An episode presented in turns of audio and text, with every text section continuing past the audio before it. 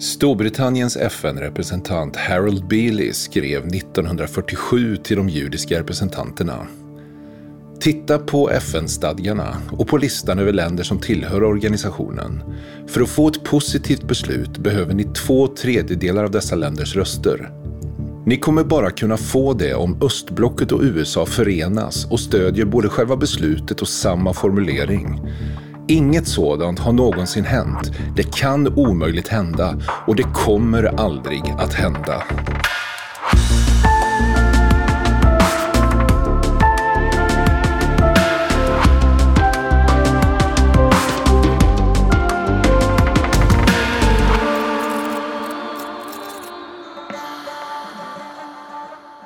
Avsnitt nummer 11 Roar, är det dags för. Ja, det, det känner man sig redo för på den här tiden tycker jag. Ja, Just det här men årtalet. absolut. Vi, vi, ja, precis. Det är ett, det är ett välkänt, eh, kanske ja, ett av de absolut mest viktiga och mest välkända årtalen vi ska tala om idag. Eh, och vi närmar oss halvtid här i vår serie. Vi närmar oss 13 avsnitt som är liksom markerar halvvägs och eh, det känns spännande. Men som sagt då, vilket årtal är det vi ska prata om idag? Ja, det är det avgörande årtalet 1948. Just det. Grund och, eh, och vad är det som är så viktigt? Den, den korta snabbversionen här för den som inte orkar lyssna hela vägen till mål. Vad händer? Ja, precis. Jag hoppas inte det är många i den kategorin, men, eh, Nej. men i alla fall, det handlar om staten Israels bildande. Den, staten Israels upprättas den här, det här året och eh, det, du vet, alltså, vi skulle ju inte ha något att prata om egentligen idag om inte det vore för det här årtalet. Eh, Vi, vi skulle Nej, absolut verkligen. ha något att prata om, men det, det, det ville varit mycket mindre då. Ja. Så, Sen är det ju fascinerande för när man då studerar århundradena som leder fram till detta så känner man bara att det är faktiskt eh, något av ett mirakel att det blir en stat som kommer till stånd. Ehm, men eh, vi ska inte gå händelserna i förväg utan eh, lite grann vad som händer historiskt då runt om. Det är naturligtvis efterkrigstiden. Det är bara tre år efter andra världskrigets slut. Och det här året faktiskt så mördas Mahatma Gandhi av en eh, hinduistisk extremist. Ehm, och något annat som jag la märke till är att WHO, Världshälsoorganisationen, grundas av FN. Och LP-skivan lanseras av Universal. Eh, ja. Ersätter de gamla stenkakorna, vad det hette de som var innan. Då, då är det kanske kopplat till den här grejen som jag har letat fram, att jukeboxen kommer i produktion 1946. Ja, okej. Så Ja, då, då blir den massproducerat. Just det. Ehm, och här är ju faktiskt, eh, nu upprättas då förbundsrepubliken i Tyskland, alltså det vi känner som Västtyskland. Det, det får sin eh, form 1948. Ehm, och eh, svensk, Sverige inför allmänt barnbidrag för barn upp till 16 år, 260 kronor i månaden. Det känns ganska högt för att vara den tidens penningvärde, men, men det Ja, gjorde det man i alla det. fall. Ja. Eh, Jag vet inte om du har något mer spännande?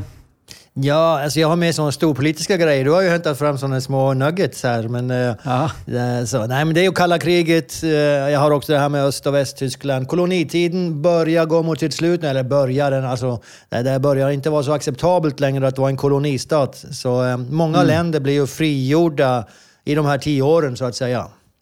Så, det. det är den stora bilden. Och det här med kalla kriget, det blir en väldigt stark blockbildning. Alltså, ja, väst ställs mot öst och Sovjet och mot USA. Och, eh, I det här så är det, finns det ett kraftfullt uttalande från Sveriges utrikesminister som då säger att Sverige ska fortsätta vara neutrala. Det har ju varit vår hållning eh, politiskt så och eh, är ju, det är ju mycket samtal om det. När vi spelar in det så pågår ju eh, kriget i Ukraina för fullt och nu är det mycket tal om det här igen. Men här så, så slog man fast det här att Sverige ska vara neutrala. Bland annat. Eh, några lite kul grejer eh, tyckte jag var att Sven-Göran Eriksson, Svennis, fotbollstränaren, Henning Mankell, författaren, Alice Cooper, hårdrockaren, de föds det här året. Så att det är Ja, intressant. sådana personer. Ja, har du något mer eller ska vi röra oss vidare? Jag tror vi måste gå till judarna. Ja, vi får väl göra det. Och eh, var befinner sig då judarna vid den här tidpunkten? Jo, de befinner sig i egentligen tre ställen och det är Europa, det är de arabiska länderna och det är USA. Det har kommit en väldigt stor eh, immigration av judar till USA vid den här tiden. Så Just det. Tre center kan man Och- säga. Ja, och det har varit då 30 år lite drygt, utav, eller 30 år knappt kan man säga, utav mandattiden då under det brittiska mandatet. Och det kommer vi prata mycket om idag.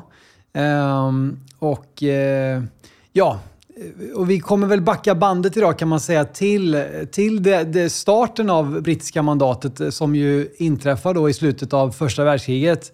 Eh, när Allenby eh, tågar in i Jerusalem och eh, slutet på första världskriget leder till att Storbritannien till slut får eh, kontrollen över det här området. Och det är väl där någonstans vi får börja va? Ja, det absolut är. När jag sa de här tre ställena som, som de finns så är det såklart att eh, alltså Palestina och Palestinamandatet är ju eh, det, ändå det viktigaste. Det ligger ju i den arabiska delen så att säga, men eh, det är ju under brittisk ja, kontroll som du kan säger. man räkna in det. Ja, ja precis. Så, men det, det, blir ju vårt huvud, huvudfokus och eh, vi behöver uh, gå tillbaka till 1917. Uh, men det här med mandattiden, det har ju nu pågått, när vi kommer till 48 då har den pågått i nästan ja, i 30 år. Så, um, mm. så då har det ju hänt en del grejer i den perioden mm. där man har försökt, judarna har byggt allt som krävs nästan för att forma en stat.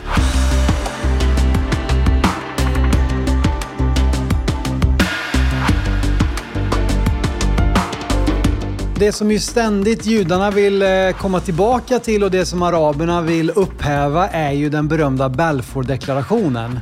Eh, och bara för att påminna den som kanske inte kommer ihåg riktigt, men vad var det utrikesministern Balfour uttalar 1917 eh, som just är så viktig eh, fram till 48? Ja, det är, i form av ett brev till det judiska miljöet och Rothschild i England så skriver han då på vägnar av regeringen att uh, Hans Majestäts regering ser med välvilja på upprättandet av en judisk hemland i Palestina. Så eh, det är ju alltså brittisk stöd för en judisk stat. Man använde inte ordet stat just för det att mm. eh, faktiskt eh, judarna var de som hade börjat använda det ordet hemland redan på första sionistkongressen för att inte mm. provocera ottomanerna på den tiden. Och då så ja, tar precis. man den här termen igen då och kallar det inte en stat, men alla vet att man är egentligen en stat man talar om. Ja, och nationalhem är också sånt där ord som, som eh, man brukar använda då. Men det blir ju så att eh, de stora förlorarna i första världskriget är ju Tyskland, det är axelmakterna, Tyskland, Österrike, Ungern och det ottomanska imperiet som faller samman då. Som ju fram till den här tiden haft kontroll egentligen över hela den arabiska världen, eh, Palestina inkluderat. Men efter det här så, så sätter sig ju så att säga Storbritannien och Frankrike eh, och ska så att säga göra upp om de här områdena. Och vi, de, hade ju, de hade ju sina egna idéer med Sykes-Picot och sådär underrättelse, liksom eh, spel bakom gallerierna där de liksom försökte göra upp om de här områdena redan innan första världskrigets slut. Men det här vinner ju så att säga laglig eh, rätt i, i Versaillesfreden som kommer 1919. Eh, och eh, det är då liksom det fastslås på något sätt hur de här områdena ska hanteras. Och, och vill du berätta lite om, om, om detta efterspelet eh, från första världskrigets slut 1918? Ja, precis. För det, för det som händer är, alltså rent på, på, marken så finns ju då de brittiska styrkorna och de franska styrkorna i det här före detta ottomanska riket. Det som vi idag kan kalla alltså Israel, Syrien, Irak. Alltså britterna och fransmännen är där. Och, eh, och det är Jordanien. De som, ja. ja, Jordanien precis. Och det är de som har, eh, som har segrat, som du säger. Eh, och så tillsammans med, med de andra segrarna så sätter de sig ner och i Paris och lägger ner då betingelserna, villkoren för hur ska man nu hantera de här områden som finns kvar. Eh, sen, mm. sen görs det här i samband med, vad kallas det på svenska, alltså Förenta alltså Nationernas förbund. Heter ja, det precis. Kanske. Ja. Nationernas förbund, ja. Som då blir upprättat precis efter kriget. Så, så de är redan med där från början, 1919, eh, och mm. Lägger ner det här principet om mandater. Eh, som då går ut på mm. att eh, britterna och franskmännen ska kontrollera det här området in tills det föreligger en lösning. Och då fanns det olika lösningar som de här olika territorierna skulle få. Men eh, det börjar mm. i 1919, sen fastställs det inte ändligt för 1922-23. Eh, när det alltså, verkligen blir eh, internationell lag, så att säga. Mm. Så det tar några år där, men börjar 1919.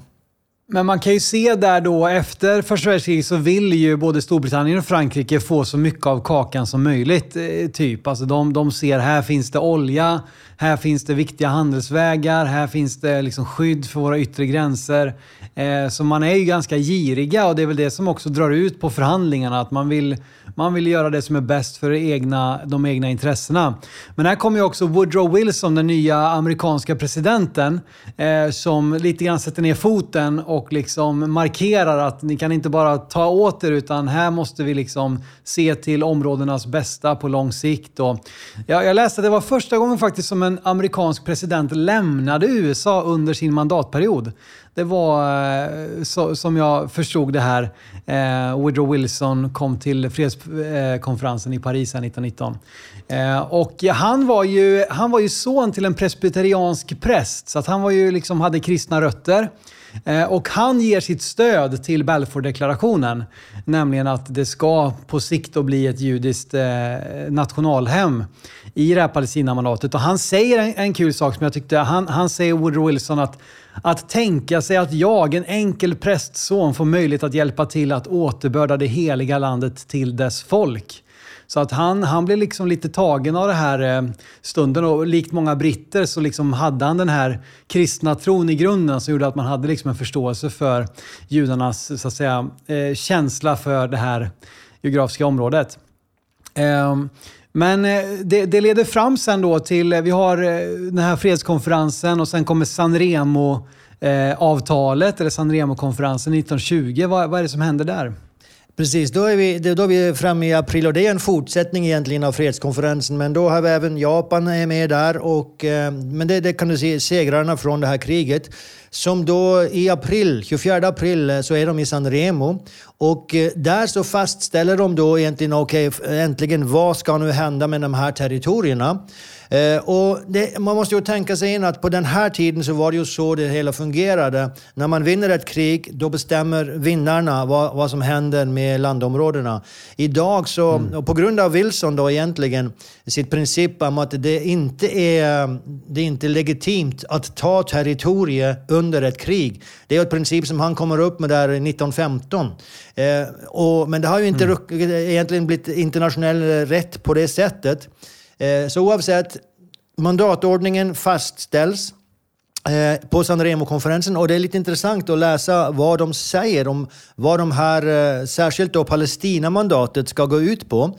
För där får Storbritannien mm. kontrollen över området från Dan till Beersheva. Alltså det, är liksom, det är vad de verkligen kräver. De vill ha den här bibliska kontrollen. Så de kräver att de ska ha kontroll över Dan också, ner till Beersheva och även söder om Beersheva. Men då står det i texten att, um, jag har det på engelska så jag översätter det medan jag läser, att administrationen över Palestina, medan den eh, ser till att rättigheterna och positionen till andra sektorer av befolkningen inte ska lida, ska se till att judisk immigration eh, blir eh, tillrättalagd Eh, och så står det lite senare, man ska hjälpa till med tät bosättning av judar på det här landområdet. Eh, mm. Och då, då är det ju intressant, eh, för, för det här kommer då i, från början i mandatet. Och det är väldigt intressant att hålla det här upp då emot britternas politik lite senare. Och det, och det, är alltså, det upprättas då utav Nationernas förbund. Nu är det inte längre bara britternas eh, utrikesminister som säger det här, utan nu slås det fast då menar du i, i ja, det här Sanremo-avtalet? I, i Sanremo så, så, är det segrarna, fortfarande segrarna eh, som är med. Men sen kommer Nationernas förbund in i 1922 och erkänner det här som Sanremo har gjort och båda, både Sanremo och eh, Nationernas förbund, de inkluderar Balfour-deklarationen i sitt beslut och säger vi står för den här Balfour-deklarationen som då talar om upprättandet av ett judiskt hemland mm. i Palestina. Sen, sen har det hänt något mellan Sanremo och eh, 1922 eh, när, när folk, eller Nationernas förbund accepterar det här. Och det är att Storbritannien har skurit bort två tredjedelar av området och gett det till eh, Abdullah, alltså från mm. eh, den sonen till sheriffen av Mecka. Som Just belöning det. då för deras eh, För, deltagande för det var ju i lite kriget. stru, det, var lite, det ställde ju till det lite grann för britterna, alltså att fransmännen får Syrien. För den andra sonen till eh, eh, sheriffen av Mecka, eh, Faisal, han skulle ju väl egentligen fått Syrien, eller han ville vara kung av Syrien. Men när fransmännen fick det, då fick han bli kung av Irak. Och kung av Irak, det skulle egentligen hans bror Abdullah ha blivit. Och nu står Abdullah där och liksom har inte fått något kungarike så att säga då. Eh, men då i stort sett så rider han in i, trans, i Transjordanien då, eller dagens Jordanien. Och Winston Churchill är det ju som är med här på den här tiden och fastställer de här grejerna och säger okej då, ni får väl eh, och, och i stort sett liksom upprätta ett nytt land, Transjordanien eller Jordanien då.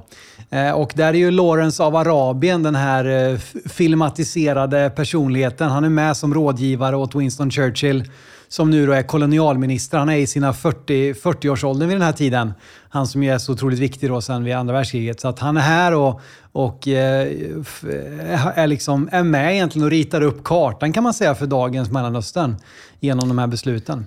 Så att Precis. 1921 blir det alltså ett, ett nytt land som britterna mer eller mindre har, har, har grundat, kan man Ja, säga. du kan säga, du kan säga, och det blir ju inte självständigt 1921 för det är fortfarande en del av det brittiska mandatet.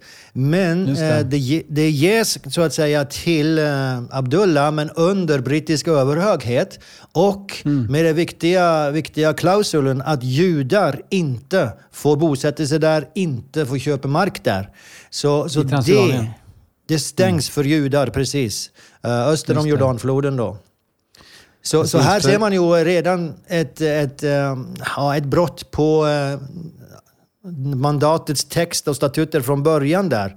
Eh, Fast det, det fanns en liten klausul också i mandattexten att britterna kunde hålla tillbaka delar av alltså judisk immigration på delar av marken. Visst, de såg att det var behov för det. Men det var temporärt. Det skulle vara temporärt. Så eh, det här så är det fortfarande temporärt för det är fortfarande det brittiska mandatet men det kommer ju snart att bli en självständig stat. Just det. Och eh, sen då så på något sätt har lite grann spelplanen eh, upprättats. Så här nu då så är ju alltså eh, Palestina, alltså västra sidan av Jordanien, den är ju också under brittisk kontroll. Och, eh, och under den här perioden så får ju faktiskt invånarna som bor här, de får så att säga palestinska pass. Både judar och araber vid den här tiden får palestinska pass utav, utav, utav britterna då. Eh, Så att det är bland annat en av, av Israels, eh, Israels första kvinnliga premiärminister, Golda Meir. Hon brukar ibland visa upp sitt palestinska pass och säga jag är en palestinier. Eh, Så att säga. För det, det, var, det, var vad de, eh, ja, det var de passen de, de fick, de som bodde i området under den här tiden. Då. Eh, Men de här Och, och jude-arabiska judarna upprättar ju också Palestine Post. Så, så, Just så du det, har ju även då, det som nu idag är Jerusalem Post. Exakt. Och de har Palestine Symphony Orchestra. Så, så det är massa grejer. Som, alltså, de är ju glada för att vara palestinier på den här tiden.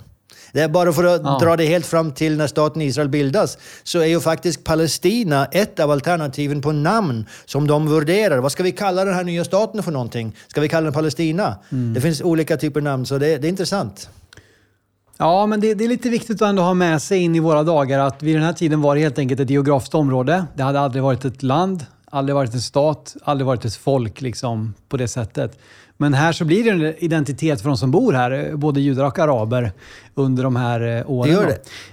Och jag måste bara trycka på en sak till innan vi går vidare. För just det här med Sanremo och, eh, och Folkförbundets eh, beslut där är jätteviktigt. För många eh, av alltså, juridiska experter på folkrätt, de säger att det här är egentligen det sista giltiga beslutet som gäller när det gäller tilldelningen av det här landområdet.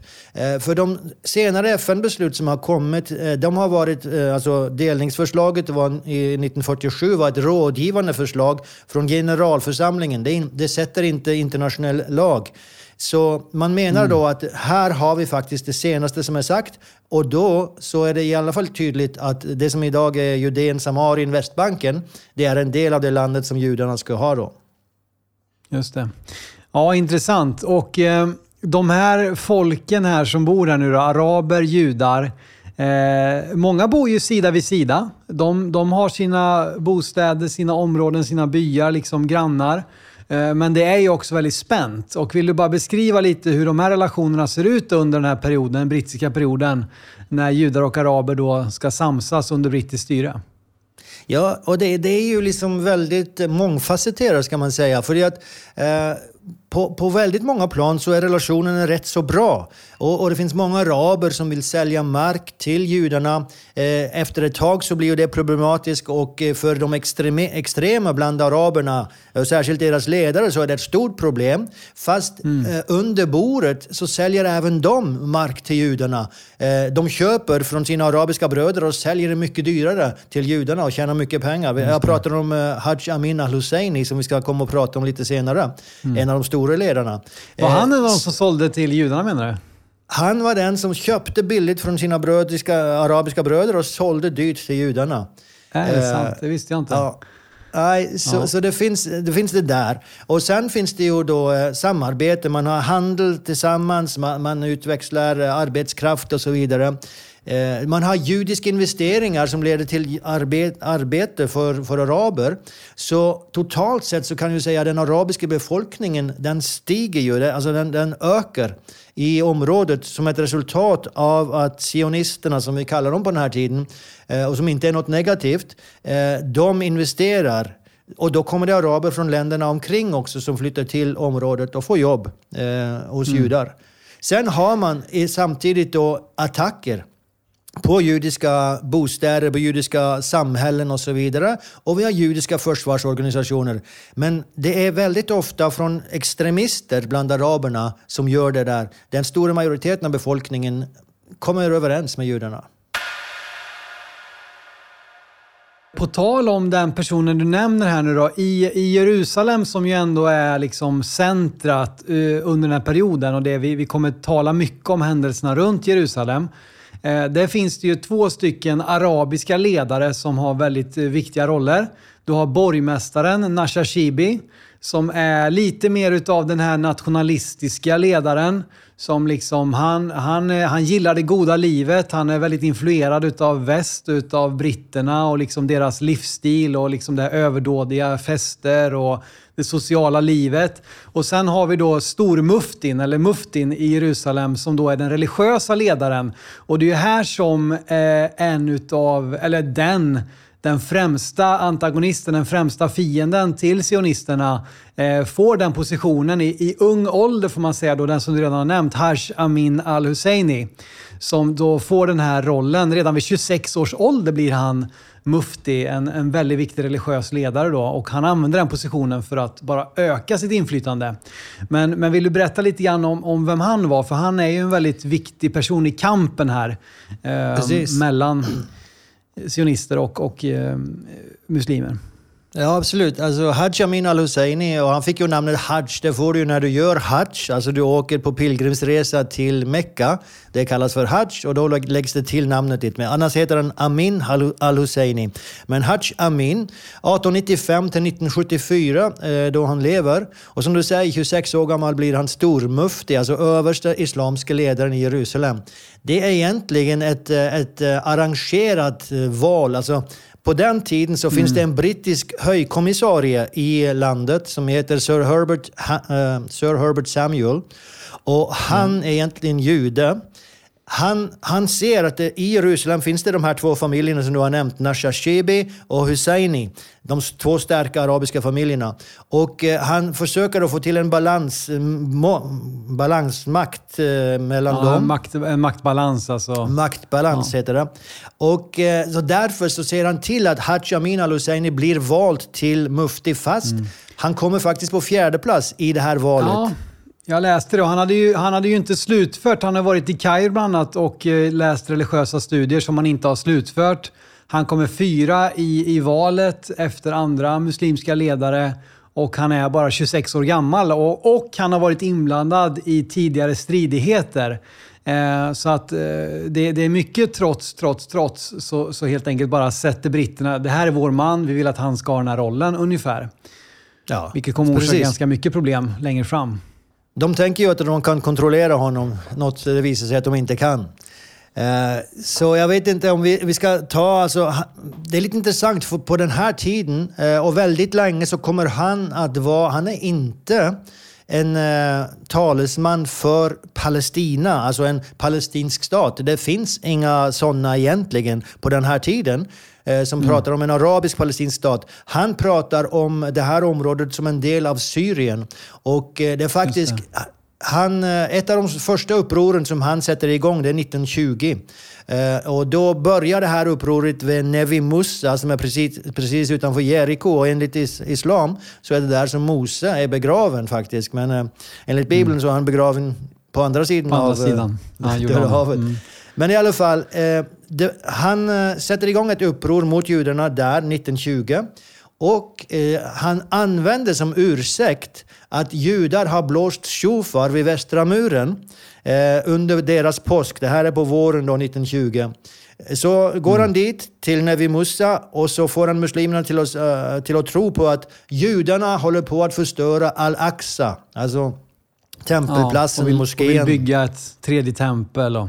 Ja, precis. De, så han eldar upp då muslimerna, får dem till att gå till Jerusalem och där attackerar de judarna och sen så sprider det här upproret sig över hela landet. Och det, jag har inte exakta siffror här nu, men det är tiotals judar som blir, blir dödade som ett resultat av det här.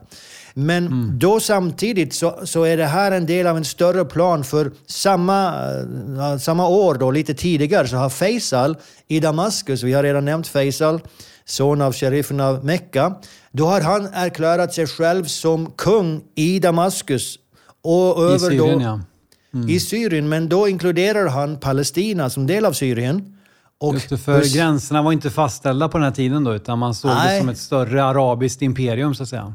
Precis, och al-Hussein, Hachamin al-Husseini, han slutar sig ihop med Faisal och vill att eh, då det här ska slås tillsammans. Så han vill skapa problem i Palestina för britterna så att de går med på det här. Så det finns mycket mm. storpolitik eh, runt allt det här. Men för, för judarna så är resultatet rätt så tragiskt för att det, eh, det, det blir stora tap för dem då. Mm. Och runt al-Husseini, eller Muftin då som vi kan kalla honom också, så, så blossar det upp den här typen av konflikter hela tiden. Eh, och vi kommer komma till det kanske lite senare, men eh, ska, ska vi fortsätta hans berättelse eller ska vi låta honom komma tillbaka under tiden? Vad tycker du? Jag tror nästan vi får fortsätta, för att det, det följer väldigt mycket eh, de andra grejerna också. Ja. Om, för det, det, som händer är ju att uh, han på den här tiden som sagt är en, en förespråkare för Storsyrien. Sen uh, så, uh, så kommer han med uttrycket och han säger att det finns ingen plats i Palestina för två raser. Det är ett av hans uttalanden. Så han är extremt antisionistiskt. Och jag tänker bara mm. jämföra det med något som Vladimir Jabotinsky har sagt. Och Vladimir Jabotinsky är ju en av de sionistiska ledarna. Han blir väldigt ofta framställd som en extremist bland sionisterna. Eh, men här så finns ett citat där han eh, säger kontra det som uh, Muftin säger då. Det kommer alltid att finnas två nationer i Palestina. Och det är gott nog för mig, så länge judarna är en majoritet. Så, mm. så det, det, är lite två olika attityder just Synsätt, här. Ja. Nej, men och, och, det han säger där med raser, alltså det, är, det är ju väldigt lätt att dra tankarna till Hitler. Och det var ju en av al-Husseinis eh, förebilder och eh, som han sökte kontakt med. Jag har lite sådana citat, eller liksom vad som hände kring, kring honom och nazisterna. Att 33 då när, när Hitler kommer till makten och blir förbundskansler, så två månader senare så söker han kontakt med den tyske eh, konsuln, i, eh, alltså ambassadören ungefär då i Jerusalem. Eh, och säger så här till honom då att muslimerna i Palestina välkomnar den nya regimen och hoppas på en spridning av de fascistiska antidemokratiska ledarskapet. Och så tillade han att han hopp, muslimerna hoppas på en bojkott av judarna i Tyskland. Ehm, och eh, det här säger han då 33 och han skulle ju få väldigt rätt. Och 41 så besöker han till och med först eh, Mussolini, alltså fascisternas ledare i Italien och de förenas i sitt hat eh, mot judarna.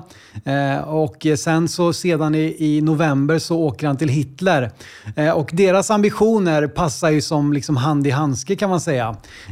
Och och eh, Al Hussein han beundrade Himmler och eh, han påstår, han skryter liksom om sitt stöd till nazisterna. Och han påstår att redan 1943 så blev han anförtrodd eh, liksom, eh, information att, att eh, nazisten hade dödat tre miljoner judar. Eh, och det här liksom skryter han om att han är liksom en av Himmlers och Hitlers förtrogna ungefär. Då. Ehm, och eh, ja, och, och, det, här liksom, det här stryker ju under lite grann vad hans eh, ambitioner. Han såg det som att om Hitler, kommer, om Hitler vinner i kriget, ja, då kommer det, kommer det vara slut på sionismen, det kommer vara slut på judarna i, i Mellanöstern. Um, och det hade det förmodligen varit om Hitler hade vunnit. Ja. Alltså precis, alltså Hitler har ju, skulle ha sagt det här till honom att, att när, när när Tyskland har tagit hand om eh, Ryssland så ska de hjälpa araberna att ta hand om judarna då i Mellanöstern. Så det, det ska ha blivit sagt därifrån. Eh, men alltså, Uh, Haj Amin, han, han åker ju runt i Europa. Han startar ju en egen radiokanal. Där, och särskilt på, på Balkan, där han uppmanar muslimer att delta i kriget tillsammans med nazisterna. Och då, då ska man tänka sig, han är alltså utnämnd som stormufti av Storbritannien. Eh, och... Eh, det, det, han ska egentligen spela på deras lag så att säga. Men mm. från början, när vi går helt till, till kriget då, andra världskriget, så från början där så är det ingen arabiska stater som ställer sig på uh, britternas sida. De ställer sig på nazisternas sida, förutom Transjordanien. Uh, och mm. uh, självklart då Haj Amin al-Husseini. Men även de andra arabiska staterna, för de tänker att Tyskland verkar vara de starka och vi, vi ställer oss på deras sida. Och det är helt på slutet mm. av kriget som, som de vänder och, och står med de allierade. Så, mm. Men jag måste bara gå tillbaka lite. Hans, hans, eh, eller inte helt tillbaka faktiskt. Låt mig ta en ting till som har med hans samarbete med nazisterna att göra. Faktum är att eh, han ser ju hur eh, nazisterna försöker utrota judarna i Europa och vill att samma sak ska ske i Palestina. Och han har faktiskt klara och förberedda planer på att bygga dödslägrar, exterminationslägrar i Dotandalen eh, som ligger mm. precis bredvid Megiddo, alltså i Israel. Så han är långt framskriden i sina planer för att utrota judarna i Palestina. Mm. Det är rätt så otroligt. Men innan vi kommer dit så, så, måste jag bara ta med en sak till, som han, eh, ett uppror som han sätter igång. Och det är Hebron 1929. Eh, för då eh, så finns det ett judisk eh, miljö i Hebron och de har funnits där i många hundra år.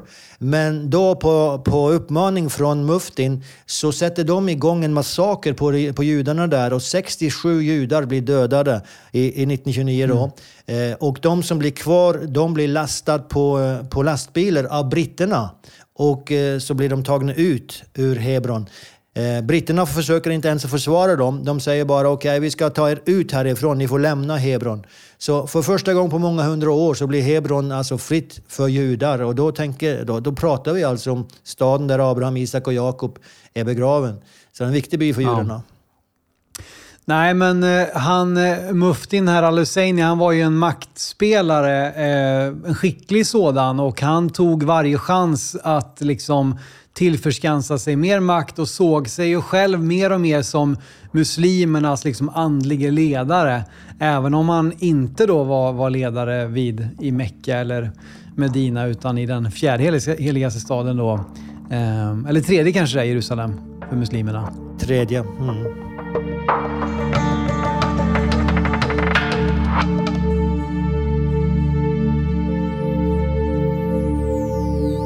Vi kommer väl tillbaka lite grann till, till ytterligare problemat, problem här som uppstår eh, och uppror, arabiska uppror och så vidare mot britterna och, och al-Husseini är, är med i kulisserna i stort sett i alla de här stridigheterna.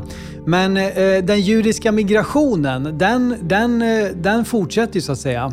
Eh, även om, om britterna är lite, de är väldigt ambivalenta hela tiden. Det beror lite på vem som nästan är vid makten, vem som är utrikesminister, vem som är premiärminister, eh, hur, hur välvilligt inställda de är. Men, men judarna och Jeshuv då, eh, den förstatliga liksom, myndigheten, Eh, för judarna. De, de verkar ju kraftfullt för att så många judar som möjligt ska bege sig till Palestina. De gör ju det. Och eh, sen, är det inte så enkelt att få många att åka dit. För de flesta, många judar ser ju att det är svåra förhållanden och de vill hellre åka någon annanstans. Eh, så från början av år, århundradet drog de flesta till USA. Men de arbetar på. Eh, sen börjar ju då britterna att lägga begränsningar på det här. Så väldigt snabbt, som du säger, så har vi den här dubbelsidigheten till britterna. Och det, det är egentligen mm. därför att på marken i Palestina, alltså den här militära regimen, eh, brittiska militärregimen i Palestina, de är väldigt negativa till judarna. För de tittar sig omkring och ser att araberna är så många fler. Vi, alltså rent praktiskt så är det mycket smartare, tycker de, att eh, stå på arabernas sida. Medan i, i London så är det fortfarande, på början av 1920-talet i alla fall, en stor favör för judarna. Så man har dubbla mm. budskap som kommer från London. Men väldigt snabbt, eh, mitten av 20-talet där, så började det vända även i London. Och sen när vi kommer fram till 1929 och upproret där, eh, så inser britterna att eh, den här arabiska reaktionen har vi svårt för att hantera. Och då kommer de första, eller inte faktiskt de första, men då kommer några viktiga white papers. Alltså, white papers är ju mm. bara brittisk eh, policy. Så här ska vi agera från nu av. Och det här kallas Passfield White Papers 1930. Mm. Och det stora är egentligen, vi begränsar judisk immigration. Eh, det är mm. exakt vad araberna kräver och de ger dem vad de kräver så att säga. Och det, det, är väl en begränsning där, eh, alltså det här var väl den nya kolonialministern va? Så att han har tagit över eh, det som Churchill hade tidigare, är Passfield nu. Eh, och under 20-talet när det ändå var öppet för judisk migration så, så var det ju, jag vet inte, men någonstans drygt 100 000 kanske som, som, som begav sig till, till, till Israel eller Palestina under den här tiden. Eh, och sen kommer då de här begränsningarna. Eh, men eh, judarna eh, gillar ju inte det här naturligtvis. Och eh, här så får ju Chaim Weissman, en man som vi har varit inne på tidigare, som ju var kanske den som hade bäst kontakt med britterna och som varit med och framförhandlat Balfour-deklarationen. Han får stark kritik från de egna leden, liksom att, att, att, han, har varit, att han är på britternas sida och sådär. Och, och han ger sig in och försöker medla, men det här leder ju till att han blir eh, att han blir avsatt faktiskt, Weissman, som sionistisk ordförande i samband med detta. Och eh, då kommer ju en väldigt viktig person in som hans ersättare eh, nämligen David Ben Gurion. Men en av de som ger hans starkast kritik är ju den som du redan har nämnt, Jabotinsky. Eh, som tyckte att, eh, att Weissman, vad, vad håller du på med egentligen? Och, och han är ju hela tiden mer på att vi måste vi måste ta liksom till väpnad eh, kamp, eller vi måste, vi måste beväpna oss, vi måste träna egna soldater. Det var ju liksom Jabotinskis melodi, medan Weissman mer försökte hela tiden på diplomatisk väg. Och Ben Gurion kanske var något typ av mellanting mellan de här två, eh, Jabotinsky och Weissman. Jag vet inte om du skulle hålla med om det, men... Jo, det, det, tycker jag nog. Han ligger nog närmare Weissman, men, men ändå en mellanting där, däremellan. Men det som du säger, alltså, Jabotinsky är, är rätt så viktig eh, därför att han, han hade redan börjat utanför alltså, Palestina, medan han in, innan han gjorde Alia, så han börjat organisera judiska självförsvarsgrupper mot pogromer i Ryssland. Eh, han insåg mm. det att vi, vi kan inte bara stå och ta emot, vi måste försvara oss. Eh, mm. Och eh, sen är det ju han då som är central i 1920 för att Eh, för att organisera försvaret mot de här arabiska upprörarna. Eh, och, eh, så han startar ju Haganah, försvar heter det, betyder mm. Och som senare blir då den israeliska armén. Men eh, 1920 är liksom början till detta. Eh, det, det, är samtidigt då väldigt frustrerande för judarna att se att eh, när de försöker att samla vapen så har ju britterna erklärat att vapen är illegala. Men det är nästan mm. endast över för judarna som, som, de upp, eh, alltså, som de följer den lagen och konfiskerar vapen. Det händer också bland araberna, men de är mycket mer liberaler där. Och faktum är att vid vissa tillfällen, när vi kommer senare in, så, så visar det sig att vapen som hade blivit konfiskerat från judiska undergrundsrörelser, eh, de hamnar senare i händerna på araberna. Alltså britterna konfiskerar mm. dem, till slut hamnar de hos araberna. Så här, det har skett någonting, nu är vi framme sent, långt in på 30-talet, eh, men då har verkligen favör för britterna, alltså det, har, det har skiftat drastiskt eh, till, till mm. araberna då. Men redan 1930 så begränsas judisk migration, även om väl Weissman ändå får till en mildring. Alltså att man, man lättar på det. Alltså, eh, man tillåter även om man inte är liksom så positiva. Men under 30-talet så är det ju mer än dubbelt så många judar som migrerar än vad det var på 20-talet. Och jag har lite siffror där. Eh, 1933 var det 37 000 judar. 34 45 000, 35 66 000. Ehm, och 1936 så bodde det hela 100 000 judar i Jerusalem i kontrast, eller kontra eh, eh, kristna och muslimska araber som var ungefär 60 000 i Jerusalem. Så att här redan mitten på 30-talet så har ju judarna majoritet just i, i staden Jerusalem. Då. Eh, och jag hade också en siffra att 1925 så hade judar bara det året köpt 44 000 tunnland mark av arabiska ägare. Eh, på tal om det du nämnde tidigare, att, att många araber var välvilligt inställda till att sälja mark och, och, eh, och eh, fastigheter till judarna för att de betalade bra. Eh, och liksom, ja, så, så det, det är någonting som pågår då, även om britterna inte vet riktigt hur de ska hantera det här. Ja, jag har ett citat i en bok här eh, som skriver av en judisk historiker och han, han säger att eh, i hela den här perioden av mandatet så var de fridfulla perioderna mycket längre och många fler än de här små korta upprorerna. Och upprorerna var oftast iscensatt av extremister, få ledare som får med sig lite folk men det, mm. det når inte det breda lag egentligen av folket. Och det ser vi faktiskt när vi kommer fram till 1948 också. Mm.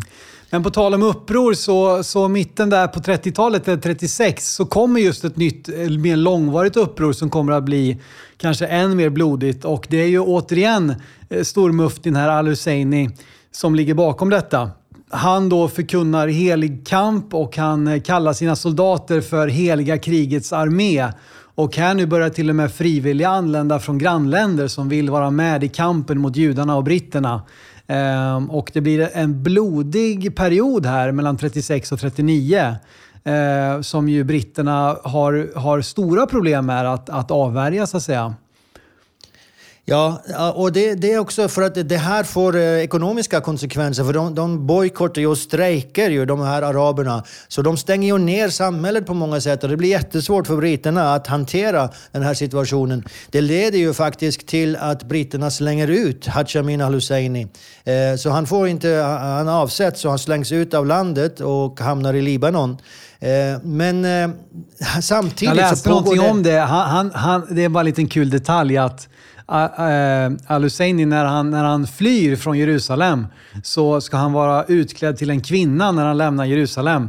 Eh, för att sen då hamna i Libanon där han fortsätter liksom att elda på eh, på avstånd. Men, men det, det, var, det var lite förödmjukande för honom, just det sättet att, att fly på. På en motorcykel tror jag faktiskt. Eh, så, okay. Men som en, förklädd som en kvinna. Ja. Men Ja, precis.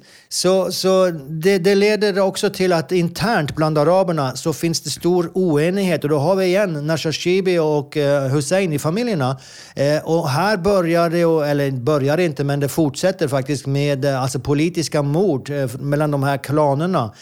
För till mm. slut så, så Nashashibi, de är ju emot det här, den här arabiska upproret. Från början är de med, men mot slutet så är de emot och de hjälper britterna att få slut på det. Och den arabiska befolkningen de inser ju att det här är fullständigt förstörande för vår egen del också. Så, så mm. folket i sig är heller inte särskilt med på det här när det går mot slutet. Eh, är, är, det, är det rimligt att jämföra liksom med, med de långt senare intifadorna som ju härjade under, under några år, både 80-90-talet och eh, in på 2000-talet? Liksom. Kan man jämföra med det? Att man liksom manar till uppror här, liksom, heligt krig? Eh, ja, mot, du, mot du kan säga det är lite det, det, det, går att jämföra, i alla fall med intifadan från 87. Eh, för den är, alltså jämföra, intifadan 87 är väldigt skillnad från eh, 2000. Och det gör att den var ju mycket mer folklig från början. Men sen är det som du säger, sen blir det ledare som kommer att fortsätta liksom, att agitera och hålla liv i den. Mm. Eh, så, men från början så var det faktiskt rätt så bred stöd för den. Men britterna här, de, de försöker ju 1937 att medla fram en, en eh, lösning. Och här nu så introduceras ju tvåstatslösningen i eh, Peel-kommissionen. En, eh, ytterligare en brittisk, det är ju hela tiden olika brittiska ämbetsmän som avlöser varandra. Både som liksom, eh, kommissarier och som kolonialministrar och utrikesministrar, premiärministrar. Det är en mängd olika. Och här kommer ju då Pilkommissionen här. Eh, där han menar att eh, Palestina ska delas upp i en arabisk del som är ungefär 70 procent av området och den ska läggas till Emir Abdullahs Transjordanien. Alltså det ska inlämnas då i Transjordanien, en arabisk stat. Och sen ska 20 procent ska bli en judisk del och sen ska Jerusalem vara under brittisk kontroll. Då.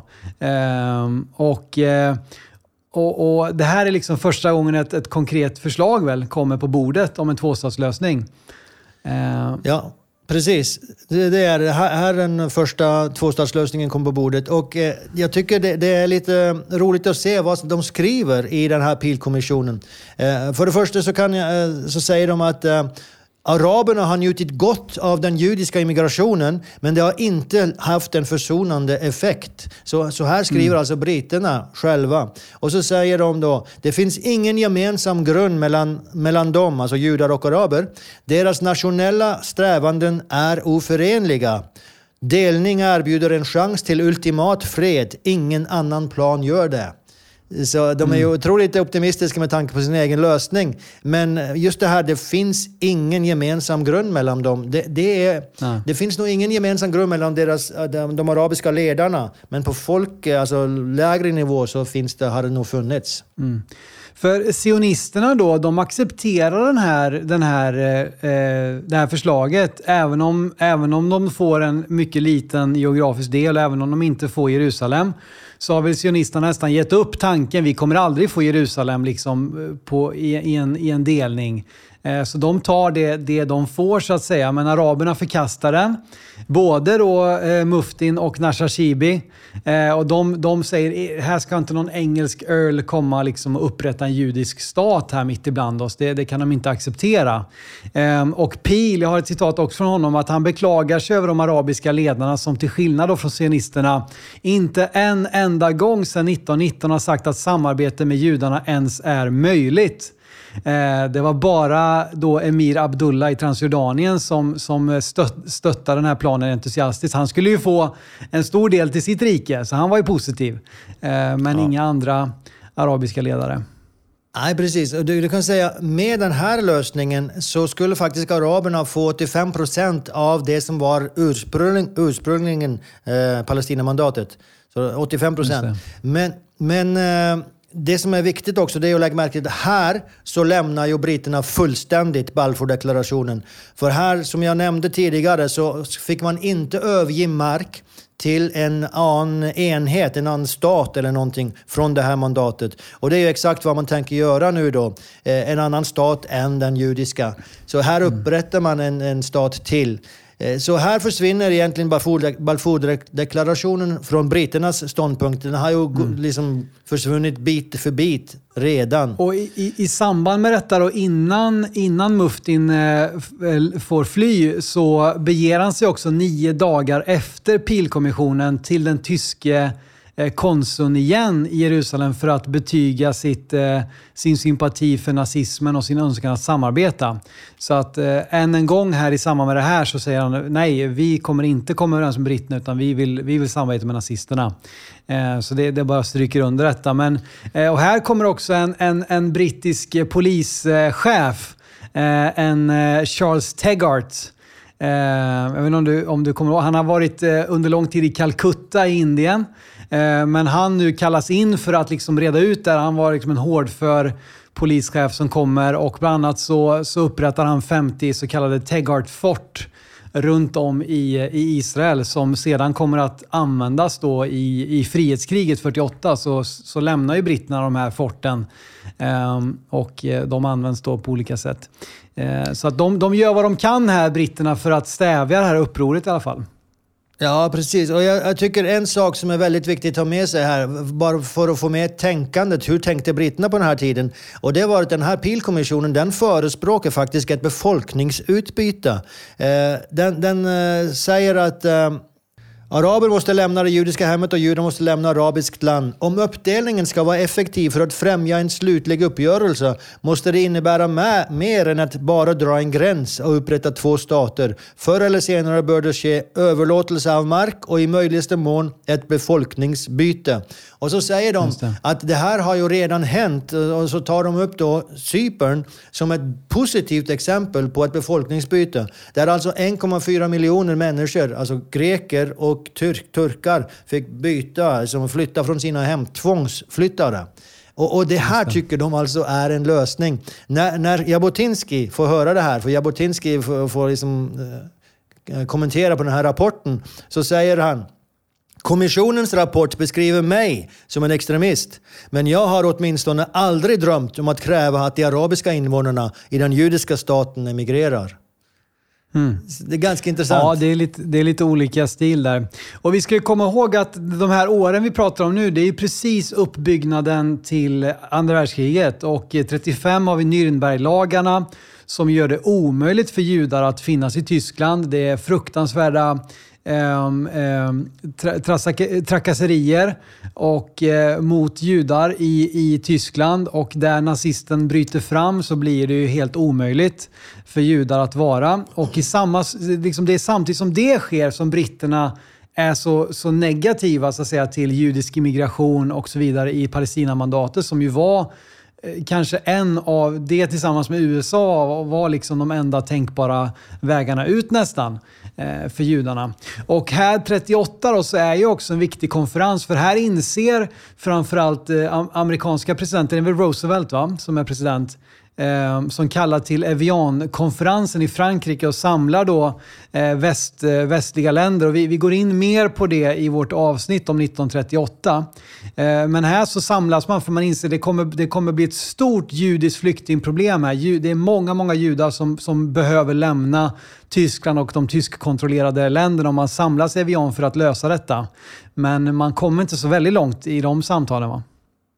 Man gör ju inte det. Alltså det är ju ingen som vill ta emot judarna i princip. Eh, några få hundra i några stater, men that's it. Så det, det är ju de här händelserna. Alltså det är Storbritanniens uh, överlämning av Balfourdeklarationen. Då inser judarna att vi kommer aldrig att få en stat under brittisk uh, mandatperioden. Vi måste få ut britterna.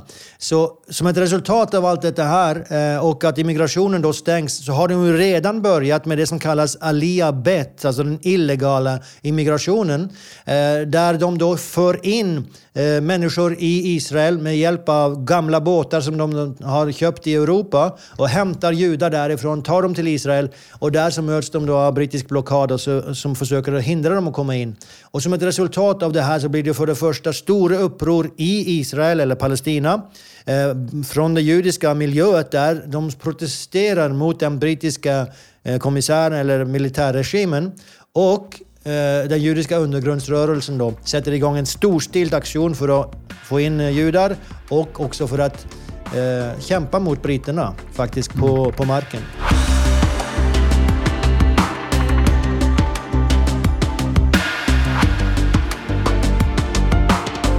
Men Evian, där så får man säga att västvärlden ändå är medvetna om judarnas problem, deras eh, ohållbara situation. Men man kan inte enas om att hjälpa dem. Eh, och sen kommer Kristallnatten då i slutet av 38. Ehm, och därefter då i den 17 maj 1939 så kommer det nya White Papers från Storbritannien. Och den här gången så är det mer definitivt liksom att nu är, nu är det stopp. Ehm, och där så lägger ju dåvarande kolonialministern då, Malcolm MacDonald fram eh, ytterligare eh, ett erbjudande till araberna och ännu hårdare restriktioner mot judarna ska jag säga. Ja, precis. Nu, nu är det, från och med nu sägs det så ska 15 000 judar få, få lov att emigrera varje år de nästa fem åren. Mm. Så totalt 75 000. Och efter det så ska det gå, inom fem år så ska det upprättas då en stat förutsatt att araberna accepterar det här. Alltså, det, man, det man mm. egentligen säger är att eh, det kommer att upprättas en stat men den kommer aldrig att ha en judisk majoritet. Det kommer inte bli en judisk stat i det här området. Det är vad White Paper säger här från 39. Och, och, och, man behöver ju förstå då att för britterna här nu, nu har man hållit på och kämpat med de här arabiska upproren 36-39. Och det har, det har varit kostsamt. Man måste ha mycket soldater på plats och man inser. Och sen håller ju precis nu andra världskriget på att dra igång ordentligt 39. Så att britterna känner att vi kan inte hålla på och, och liksom hålla araberna i schack här i Palestina utan vi måste ju fokusera på Europa. Eh, och då säger de ganska cyniskt så här att, att, att om vi ska välja mellan att förolämpa judarna eller araberna så, så väljer vi att förolämpa judarna. För de kan inte välja sida i kriget, men det kan araberna. Alltså judarna, för dem är det inget alternativ att strida på tyskarnas sida. Eh, de, de kan ju bara välja britternas och de allierade sida medan araberna kan mycket väl välja sida. Och här vill ju britterna genom de här white papers försöka säga till araberna att hallå, var på våran sida här. Vi kommer inte tillåta judarna att få någon stat och någon kontroll eh, under våran översyn så att säga. Så det är ju en del hela tiden Precis. av det här storpolitiska spelet som pågår. Ja, Churchill är inte med på det här med de, de white papers, han är väldigt emot dem. Och han säger så här, vad vill våra potentiella fiender säga? Vill de inte bli frestade att säga, nu är de på flykt igen. Detta är ett nytt München. Och München var ju alltså Chamberlains eh, övergivelse av Tjeckoslovakien till Hitler.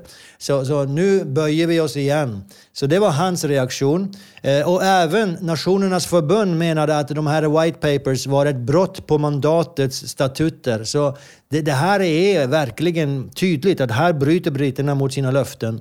Det judiska svaret, jag har ett par reaktioner på det också. Den, den judiska chefsrabbinen i Palestina jag tror det faktiskt är han som är um, farfar till den nuvarande presidenten med samma namn, Isaac Herzog. Mm, Herzog, ja. ja.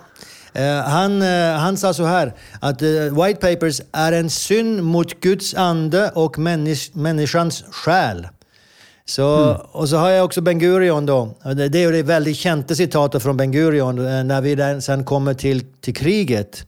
Eh, om White Papers och kriget så säger han vi kommer att kämpa i kriget som om det inte fanns några vitböcker och bekämpa vitböckerna som det inte fanns något krig. Så, eh, mm. För där, där så säger Ben Gurion när, när kriget väl kör igång att vi kommer att ställa oss tillsammans med britterna. Kämpa axel vid axel med britterna. Eh, så, som om inte det fanns några white papers. Men vi kommer samtidigt att bekämpa de här white papers som om inte det fanns något krig. Med andra ord, vi kommer att satsa på att få in judar i landet. Mm. Och här så blir ju David Ben Gurion eh, en viktigare och viktigare ledare och eh, vi kanske ska passa på att göra ett litet porträtt om, om just eh, David Ben Gurion. Eh, som är ju eh, såklart en huvudperson. Han blir den första premiärministern, vilket vi ska komma till. Men han föds i det ryska imperiet, likt många andra av de här pionjärerna så att säga. Eh, 1886 så föds han i Plonsk, eh, jag vet inte hur det uttalas, men i det ryska imperiet. Och eh, han eh, emigrerar till Palestina 1906, strax efter den, den första så att säga, ryska revolutionen 1905. Så beger han sig till Palestina Ehm, och eh, där kommer han att förbli till sin död så att säga. Ja, han, han börjar ju bli som jordbrukare. Det, det är intressant. Det, det, vi kanske nämnt det här i några tidigare episoder, men det var ju någon sak som de inte kunde så väldigt mycket hålla på med i Europa. Men eh, här så börjar han med jordbruk och, och det är också nödvändigt för att bygga landet. Eh, men han engagerar sig samtidigt, samtidigt i politik och blir med på Aleit Sion, alltså Sions arbetare, arbetarrörelse, ett socialistiskt parti.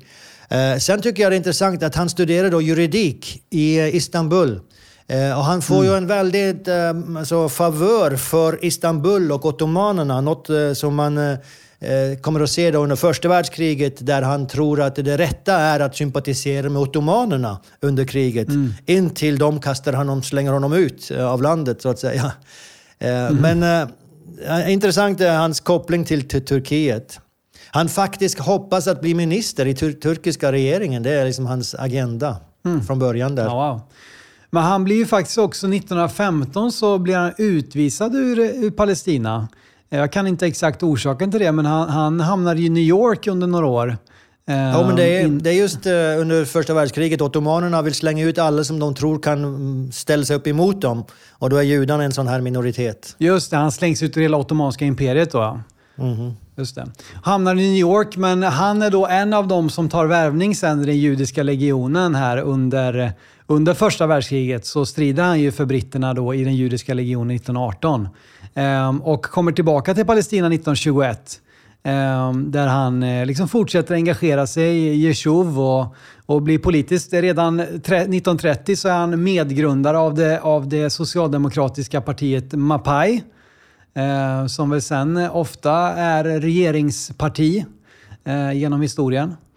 Eh, och han är ju med också där när Haganah grundas. Liksom, han finns med tidigt. Han är en av de här verkliga pionjärerna. Liksom, som, eh, Absolut. Han, han är, det är också det som kallas en praktisk sionist. Han, han, var inte, han är inte väldigt tro på Herzls form för, för sionism, där vi måste få stöd från en stormakt. Han sa en stat byggs vid att vi liksom dyrker marken, bygger ett hus och så vidare. En praktisk sionist. det var Eh, ko för men- ko och åker för åker. Vad var det du Eh, sa? Ja, exakt. Sagt tidigare. Ja.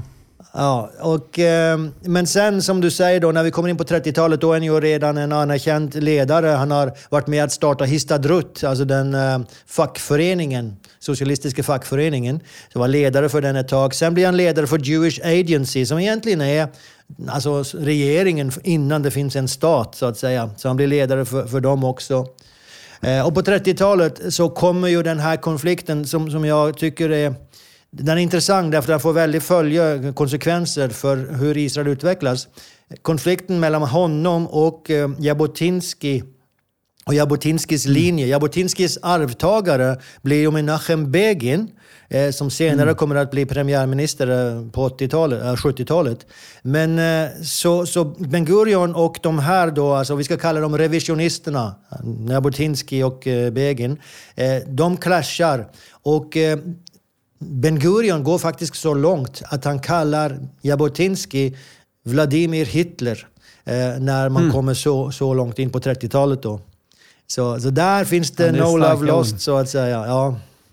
Nej, det, det är starka liksom även inre stridigheter. Och de, det, vi kommer väl tillbaka till det, men de, judarna vill ju välja lite olika linjer där ju Ben Gurion ändå står åt det diplomatiska hållet, även om han ändå inser att det kommer till en punkt där vi också måste ta till vapen så att säga. Han blir ju då också eh, den första ledaren här eh, eh i, i, i det nya Israel. Och eh, eh, kommer att bli premiärminister och tillika försvarsminister. Och, och han, han fortsätter som politiker. Han, han, han har ju ett hjärta, som du, som du har sagt, där, för att bygga upp landet. Och hans stora hjärteprojekt det var ju Negev, öknen. Eh, att få öknen att blomstra, liksom, det var ju hans stora, stora vision. Eh, och han såg ju att om vi ska fortsätta växa här, han såg ju framför sig att vi kan bli, vi kan bli 10 miljoner judar här. Liksom, vilket ju på den tiden var det bara några hundratusen. Eh, men han såg, han hade de här visionerna framför sig. Eh, och då måste, vi, då måste Negev blomstra, då måste vi lära oss att eh, bruka jorden. Eh, och, och där finns det ju, han var ju med och byggde en kibbutz där, eh, där han också dog eh, senare Precis. Han, han, han har sagt ett väldigt känt uttalande att Israels framtid hänger på Negev. Alltså den kommer att testas i Negev, men, men hänger egentligen på vad som händer med Negev. Eh, sen, sen eh, bara när det gäller det här med hans, eh, hans koalitioner, regeringskoalitioner. När han blir premiärminister så inviterar han alla partierna till att bli med i den här regeringen, koalitionen, förutom två partier. Och det är kommunistpartiet och det är eh, Menachem Begin sitt parti, Cherut. Så, så, när, så länge han sitter vid makten och så länge han står på talarstolen i Knesset, det israeliska parlamentet, så nämner han aldrig Begin med namn. Han säger mannen som sitter till höger för så och så. så det, det finns en sån här eh, rivalisering där som är näst, nästan Ja. lite rolig. Men eh, jag ska Och han- återkomma han ju också, också- till Ja. till ett, en annan eh, händelse som gör att det här strider till sig. Mm. Men, men ja. han, hade ju, han, var, han var ju inte direkt religiöst motiverad, David Ben Gurion. Alltså han, var ju, han var ju mer nationalistisk. Eh, och eh, han lär ju ha sagt tidigt där att, att om, om vi ska lyckas ena landet så borde vi egentligen jämna Gamla staden med marken. Eller något i den stilen. Liksom. Det var hans, han bara insåg att Gamla stan, murarna, det är, liksom, det är symbolen för splittringen här i landet. Så att han var inte direkt eh, religiöst liksom motiverad. Utan han. Han, eh, han brann ju för nationen och eh, socialismen och att liksom eh, bebygga landet. Och just med, med tanke på att han, han ville eh, få eh, Negev-öknen alltså att blomstra så tog han ju dit experter för att liksom undersöka hur ska vi göra för att lyckas för att få liksom kunna ha jordbruk här i öknen. Och de sa ju det, det går inte. Och då, då har han ju något sånt här citat också att “If an expert says it can't be done, get another expert”. Precis. alltså om ja. en expert säger att det inte går så skaffa dig en ny expert. Och han sa ju såna här saker också som att i Israel måste man tro på mirakler om man vill vara en realist. Så han var en man som, som, som trodde på det, på det omöjliga, alltså inte i form av Gud då, men i att faktiskt lyckas då. Eh, till exempel få, få en öken att blomstra. Så att han var en visionär, eh, verkligen. Ja, alltså han, han kallas ju landsfader och det, det, det är ju klart, alltså, det, det, hela det här beslutet att, att utropa staten är ju ett väldigt motigt beslut. Vi kommer komma dit. Men, eh, men där föds ju i alla fall någonting där han blir landsfadern. Men sen som du säger, väldigt viktigt för honom att bygga landet. Och det tar oss också till en en av de mest eh, kontroversiella besluten som han tog. Och, det har att göra med Israels relation till tyskarna efter kriget. För där på 50-talet så kommer det upp att uh, tyskarna inser ju vad de har gjort mot det judiska folket. Och de, det blir förhandlingar om en ersättning. Alltså mm, finansiell ersättning. Och, och på, på, tyska så heter det Wiedergutmachung. Att göra gott igen. Och det här mm. blir extremt kontroversiellt i Israel. Därför att eh, alltså, särskilt eh, Menachem Begin är fullständigt emot. De kan inte göra gott igen, det som har blivit gjort. Och vi ska inte ta emot de här blodpengarna, säger Begin. Men eh, Ben Gurion då står upp för att vi ska göra det. Till slut så går avtalet igenom och Israel får massa miljarder eh, som ett resultat av det här. Och de miljarderna är jätteviktiga sen för att kunna bygga landet och ta emot alla flyktingarna som har kommit alltså från de arabiska länderna. Så, mm. Men en kontroversiell, eh, kontroversiellt beslut. Men han, han eh, blir begravd faktiskt också i Negev till slut. I Sde Boker heter väl eh, den kibbutzen han var med och, och bodde på under deras liv. Och han skrev bland annat en bok där precis i slutet. Han var politiskt engagerad nästan fram till sin död och han var med och grundade ett par till partier faktiskt efter att det blev lite stridigheter i Mapai och sådär. Och han har ju också fått flygplatsen uppkallad efter sig, den internationella flygplatsen i Tel Aviv. Det heter ju David, eller Ben Gurion flygplatsen, International Airport.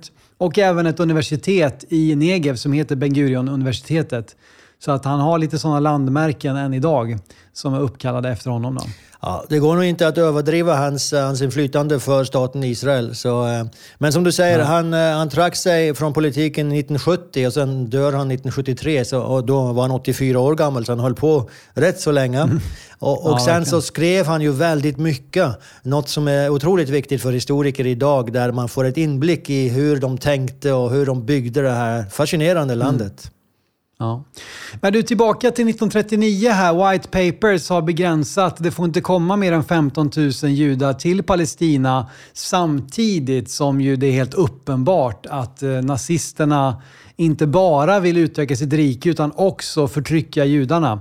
Eh, och det är ju en, en, eh, en svart fläck. Det är ju lätt att måla upp nazisternas grymhet men britterna Eh, de, de, de bär också på, på en ganska stor faktiskt eh, skuld i samband med, med detta. Och eh, Det finns ju några sådana exempel med lite sådana här fartyg som försökte komma fram. Eh, vi har skrivit upp ett par här, SS Struma och SS Salvador. Vill du beskriva lite vad som hände med de här fartygen? Ja. Precis, bara för att kommentera på det du sa om britternas eh, roll här så, så, kan du säga att den är ju dubbel. För, för, utan britterna så hade det inte funnits någon Balfour-deklaration och då hade inte den här mm. processen, bollen börjat rulla kanske.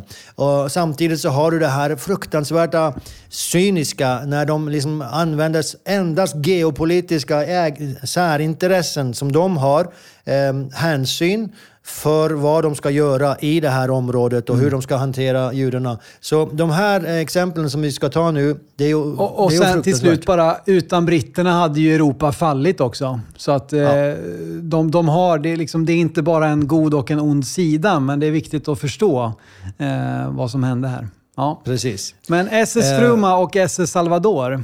Ja, vi börjar med SS Salvador, för det är 12 december 1940. Och, och, då är det en båt som kommer till, till Haifa med, med 350 judiska flyktingar.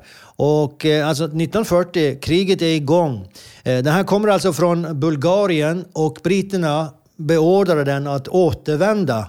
Eh, det är ju en båt som är överbefolkat eh, och i dålig stand. Så när den kommer tillbaka till eh, utanför Turkiet så cap, capsize, vad heter det för något? Den välter. Kapsejsar. Ja, det välter. Ja, ja. exakt. Och, och de här dör. Så mm. det här är ett exempel på, på hur brutal den här regimen var. Skicka dem tillbaka till ett Europa som är i krig. Mm. Eh, det finns en eh, sån här gravplats på eh, Herzlberget som markerar just det här med SS Salvador. Eh, där judarna febrilskt eh, försöker fly undan alltså kriget i Europa, kommer, kommer till eh, det löfteslandet och blir sänd tillbaka. Alla de gravarna har ju inga namn och inga, det är stenar men det står inget på dem. Men det är 350 stenar som representerar just det här. För deras kroppar ligger ju i havet så att säga. Sen har vi SS Struma då som kommer... Eh, för, för det här pågår ju alltså. Judarna försöker hela tiden att skicka båtar och vissa lyckas de att få in. De lär sig lite efterhand eh, mm. uh, hur man kan få dem genom den brittiska blockaden. Uh, men SS Struma kommer då 24 februari 1942. Är återigen då en båt i fruktansvärt dålig skick. Uh, kommer från Rumänien med 769 personer. Eh, den behöver repareras, men den kommer till Istanbul och då tar britterna kontakt med ottomanerna och säger ni släpper inte den båten vidare. Eh, ni, ni, fixar inte den båten så att den kan komma vidare. Så turkarna låter den ligga ute på hamnen där. Eh, det blir mm. alltså, jättesvåra omständigheter där, både hälsomässigt och så vidare. Eh, till slut så säger de att nej, ni får inte ens ligga här, vi skickar ut er härifrån. Och de, de tauer den här båten ut för den har ingen motor som fungerar. Mm. Box, boxerar den ut i Svarta havet. Boxerar mm. den ut, precis. Och eh, då finns det lite olika varianter på vad som hände, men eh, mest sannolikt är att den blir beskjuten av en rysk eh, ubåt. Eh, av de här 769 så är det bara två överlevande. Mm. Och de skulle ha kunnat klara sig till Israel, till Palestina, om britterna hade öppnat. Ja, och det här var alltså judar som försökte komma undan eh, nazisternas koncentrationsläger. Ehm, så så det är, moraliskt är det, i efterhand är det otroligt smärtsamt. Dagens avsnitt presenteras av Lindströms bil och eh, Lindströms bil vill slå ett slag för Förenade Israel-insamlingen som är en biståndsorganisation som har funnits sedan 1920 och arbetar för att bygga upp landet Israel och hjälpa olika utsatta grupper som finns där i landet eller som är på väg att komma till Israel. Den här våren har det pågått ett intensivt arbete för att hjälpa judar i och runt Ukraina. Både längs gränserna genom humanitär hjälp men också tusentals judar som har sökt möjligheten att göra alia, nämligen att få bege sig och börja på ny kula i landet Israel. Vill du stötta det här arbetet och läsa mer om det så kan du jättegärna gå in på israelinsamlingen.org. Vi säger ett stort tack till Lindströms bil. Innan vi fortsätter vill jag också slå ett slag för vår hemsida folket.nu där du kan hitta alla sätt att lyssna och titta på podden och också hitta länkar till hur du kan följa oss, köpa posters, eh, våra snygga posters som görs till varje avsnitt och också signa upp ditt intresse för den kommande boken. Så gå gärna in på folket.nu. Eh, vi, vi, ska inte gå in nu på hela händelseförloppet under andra världskriget. Det finns många historiebeskrivningar om det. Eh, och vi känner ju till det, det fruktansvärda att hela 6 miljoner judar mördas helt enkelt av nazisterna. Eh, och det är ju en, en enorm tragedi, andra världskriget. Men till slut så går ju även den här gången de allierade segrande ur striden. Um, och, eh, och nu tänker man sig, och, och också eh, koncentrationslägernas fasor eh, blottläggs ju för västvärlden. Visst, de har väl anat och judarna själva har ju försökt att föra ut information ut i världen om vad som faktiskt pågår. Även om eh, omvärlden i stor utsträckning blundade eller inte ville eller orkade eller kunde ta in. Eh, och nazisterna försökte hålla upp en front av att nej, det är inget fel på vår behandling av judarna ungefär. Men de här fasorna liksom, eh, och bilderna från koncentrationslägren de, de trycks ut liksom i, i tidningarna runt om i världen. Eh, och man skulle ju tänka sig att efter andra världskrigets slut att ja, men nu, nu, nu gör vi vad vi kan för att hjälpa. Men den här, den här behandlingen av judiska migranter den fortsätter ju även efter andra världskriget, eller hur? Ja, det gör ju det. Det är rätt så otroligt. Alltså när de här förskräckliga, alltså när Auschwitz har blivit eh, avdäckt, alltså man har filmat, man har foton därifrån, filmer. Eh, så fortsätter alltså britterna med den här politiken sin. Eh, därför att de vill fortfarande täckas och ha favör hos araberna. Så eh, det här leder ju då till alltså bland annat att den judiska undergrundsrörelsen som, som nu har eh, börjat för fullt, alltså den, den börjades upprättas på 30-talet Eh, för att försvara de judiska samhällen eh, när de insåg att britterna inte gjorde det. Eh, men nu då under, under kriget så har den utvecklats mer och efter kriget då finns det ju ingen rättvisa i den brittiska politiken tycker de här. Och så då intensifierar de sin, sin aktivitet. Så de hänger upp en plakat faktiskt med bild av den militära administratorn, brittiske militäradministratorn, ledaren där. Han heter Sir Harold McMichael. Och de hänger upp en plakat med honom och säger “Wanted for murder”. Alltså, det här, han har dödat de här som vi, de inte släpper in. Så, mm. eh, och sen då så börjar de då sina aktiviteter, de här un olika undergrundsrörelserna. Mm. Så vi kanske ska gå igenom och ta de som finns. Ja, vi har ju eh. Haganah till att börja med då, som ju faktiskt britterna också är med och understödjer och tränar upp stora delar av, av dem. Alltså i samband med upproren mot araberna och under kriget så blir ju någonstans 25 000 judar tränade av britterna eh, i då Haganah, det som är före, förelöparen till, till israeliska armén då, IDF, som kommer ja, sedan. Och, och, eh, och, vad var det som eh, eh kännetecknade dem, Haganah? Ja, för det första ska man bara säga att britterna gjorde det, det där rätt så motvilligt. För de, de eh, fruktade att eh, de här vapnen senare skulle kunna vändas emot dem. Eh, mm. Så, vilket såklart eh, är också vad som händer därför att de inte då uppfyller sina löften i Balfourdeklarationen. Men Haganah var väldigt tillbakahållen skulle man kunna säga och det är därför att de hade ett samarbete med, eh, med britterna. Ben Gurions attityd, vi kommer att kämpa tillsammans med britterna som om inte det fanns white papers. Det gör de under hela kriget. Det kallas havlaga, men alltså begränsning. Vi, vi ska ha begränsat underrättelse, mm. alltså underjordiska uh, aktioner. Uh, så, men när kriget är slut, då finns inte de samma begränsningarna. Och, och, då börjar även de att attackera då militärinstallationer och så vidare. Eh, som, som britterna har. Och de börjar också självklart att försvara sig mot arabiska attacker och så vidare. Men, eh, och sen så en viktig sak är ju att de försöker eh, fortsätta med den illegala, illegal måste man säga, i, i uh, vad heter det för något? Eh, Inom citationstecken situationstecken. Illegal immigration, det fortsätter de med och sen så samlar de på sig vapen. För det, de har egentligen inte lov att ha vapen fortfarande. Men de samlar de här vapnen då återigen illegalt eh, och gömmer dem i så kallade slicks. Eh, ett ord som de har kommit upp med som är egentligen ett eh, underjordiskt eh, hemligt lager. Så de upprättar mm. sådana slicks över hela landet. Eh, och det är väldigt få som vet vart de här är. Idag faktiskt, så, eh, de senaste åren, så har man upptäckt några sådana slicks. Därför att det var så få som visste vart de var. För att inte britterna skulle få tag på en och så torturera dem och få ut sanningen eller så vidare. Så, eh, så få, väldigt få visste vart det var. Och därför så några av dem blev dödade innan de fick säga vart det var. Så de har legat i skjul då fram till modern tid. Upptäcks bara mm. nu. Just det. Men där samlar de måste... vapen i alla fall. Jag måste få nämna en av de brittiska kaptenerna som är med och, och utbildar judarna. För det fanns ju bland britterna de som verkligen sympatiserade med judarna och en, en kapten Wingate till exempel är en väldigt färgstark personlighet. Eh, som eh, när man läser honom, det, det låter nästan som någon typ av Indiana Jones eh, karaktär. Han kom beväpnad till tänderna liksom och han, eh, han, var, han var väldigt eh, fascinerad av de bibliska berättelserna. Eh, och han var med liksom och eh, tränade många judiska soldater och jag har ett citat ifrån honom bara att han, han sa till dem att ni är Makabeernas söner, ni är de första soldaterna i en judisk armé. Så att han var en av de brittiska officerarna som verkligen liksom Eh, var på, på judarnas sida så att säga. Eh, en spännande figur.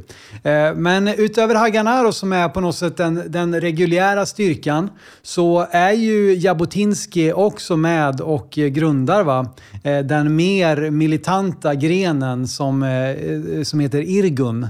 Eh, som ju ligger bakom mer, eh, särskilt efter kriget så gör ju Irgun många aktioner Eh, mot britterna, eh, bombningar och så vidare. Ja, precis. Eh, Irguns då är en förkortning. Det första ordet i Etzel är ett annat namn. Och det är Irguns Valeumi, Alltså den nationala eh, militäret, eh, militärorganisationen. I alla fall, eh, så Irgun och Etzel är samma sak. Men som sagt, det är alltså eh, Jabotinsky som är med och de också är rätt så tillbakahållna från början. Och de säger att vi ska endast försvara oss mot eh, arabiska attacker och vi ska inte liksom gå till attack på britterna. Det här är 30-talet. Men sen är det en stor diskussion internt i, uh, i Irgun där några säger nej, vi kan inte bara försvara oss. Och efter ett tag så hamnar även Jabotinsky på det ståndpunktet och säger att vi måste faktiskt attackera. För om vi bara försvarar oss, då avskräcker vi ingen. Alltså, vi måste gå till attack. Eh, när de attackerar oss, så uh, retaliate, alltså då slår vi tillbaka. Så det blir, mm. på, på 30-talet så blir det Irgun sin policy att de också slår tillbaka. Sen har du då även utbrytargrupper från Irgun Ehm, och eh, som då är ännu mer extrema och tycker att även inte Irgun är, är tuffa nog. Och de tyr faktiskt till terror. Ehm, och eh, även under ett visst tag eh, när Irgun är under ledelse av en, en kille som heter David Raziel, tror jag han heter. Då också så använder Irgun terror. De placerar ut bomb på marknaden i Haifa och Jerusalem och dödar 20-tal personer i Haifa och så vidare. Så, så mm. Eh, det finns även det här då, judisk terror från eh, vissa extrema elementer då, eh, i mm. de här grupperna. Och Irgun ligger ju bakom också en av de mest berömda bombningarna, nämligen när de slår till mot britternas huvudkvarter, alltså arméns huvudkvarter i King David Hotel. Det här lyxhotellet som byggdes på 30-talet till eh, där ju alla dignitärer som kom till Jerusalem, det var där man bodde, det var där man festade, det var där man träffade andra och eh, liksom levde det goda livet. Men där då en flygel där utav King David Hotel hade tagits över av den brittiska armén. Och där går då Irgun in utklädda som eh, arabiska arbetare med mjölkkannor fyllda med 220 kilo tror jag sprängmedel. Eh, de ska, ha ring, de ska ringa till hotellet och säga utrym, det kommer att sprängas snart. Men de tas inte på allvar så att byggnaden utryms inte och till slut så går den här sprängladdningen av och dödar då många, både brittiska soldater men även civila oskyldiga. Ehm, så att Irgun, de, de eh, gjorde väl i huvudsak ändå tillslag mot, mot militära mål. Även om de också låg bakom då de här, eh, några sådana bombningar som väl var typ av hem, hämndaktioner mot araberna. Det var, eh, det var under en väldigt begränsad tid under just den här ledaren. Eh, men eh, när Begen kom, blev ledare för Irgun, för han, han blev till slut ledare, så var han väldigt tydlig på det att vi ska inte skada civila. Så det var militära mål som, som de slog sig emot stor, större delen av tiden. Just under den här attacken mot King David Hotel så var ju faktiskt Haganah också med. Särskilt i planeringen där, men så finns det lite delade meningar om de var med hela vägen. Eh, men just det här med, att de säger ju att de ringer tre gånger enligt Irgunkällorna. Eh, och varje gång så, så, tror inte britterna på dem för de tror de är så säkra i den här byggnaden. Då. Men där dödas ju är det 91 personer. Eh, både judar, araber och britter. Då. Så, eh, men jag har ett citat här från Jabotinsky just när det gäller krigförandet. Och eh, det var intressant. Alltså, Jabotinsky är känd för att vara en väldigt eh, analytisk kille. Och det ser man även i det här citatet. Allt som har med krig att göra är dåligt. Och det goda är obefintligt. När du skjuter mot fientliga soldater, ljug inte för dig själv och lura inte dig själv att, du skjut, att de du skjuter är de skyldiga. Om vi skulle börja räkna på vad som är att föredra så skulle räkningen vara mycket enkel. Om du vill vara god, så snälla låt dig dödas och avstå från allt du hoppades försvara. Hem, land, frihet, hopp. Alltså det är en, det är en väldigt kall och analytisk eh, beteckning, mm. beskrivning här. Men, men det är ju, alltså, allt som har med krig att göra är dåligt. Sen har vi de då som tyckte att till och med Irgun var för, eh, var för mjuka och då har vi de som kanske var Ja, de var ju ännu mer extrema och, och ägnade sig ännu mer åt rena terroraktioner, nämligen Lechi. Eller det som eh, utav grundaren Stern då, som ju också kallas för Sternligan, som eh, kanske inte minst många svenskar känner igen. Eh, vad, vad var det som kännetecknade Lechi? Nej, det var ju egentligen det att de var mycket mer extrema och de gick också mot alltså, politiska karaktärer, alltså assassinations, politiska mord.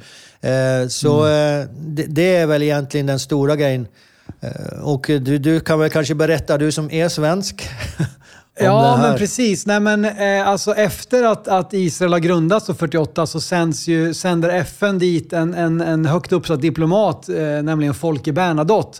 Och Bernadotte var ju en, en hjälte i samband med eh, andra världskriget. Han eh, stod ju för de vita bussarna som reste in i precis i slutet av andra världskriget och räddade många, många människor, inte minst många judar. De åkte in under Röda Korsets... Eh, han jobbade mycket med Röda Korset, så att de åkte in med de här vita bussarna. Så han gjorde en, en riktig hjälteinsats och räddade tusentals människor då i slutet av andra världskriget.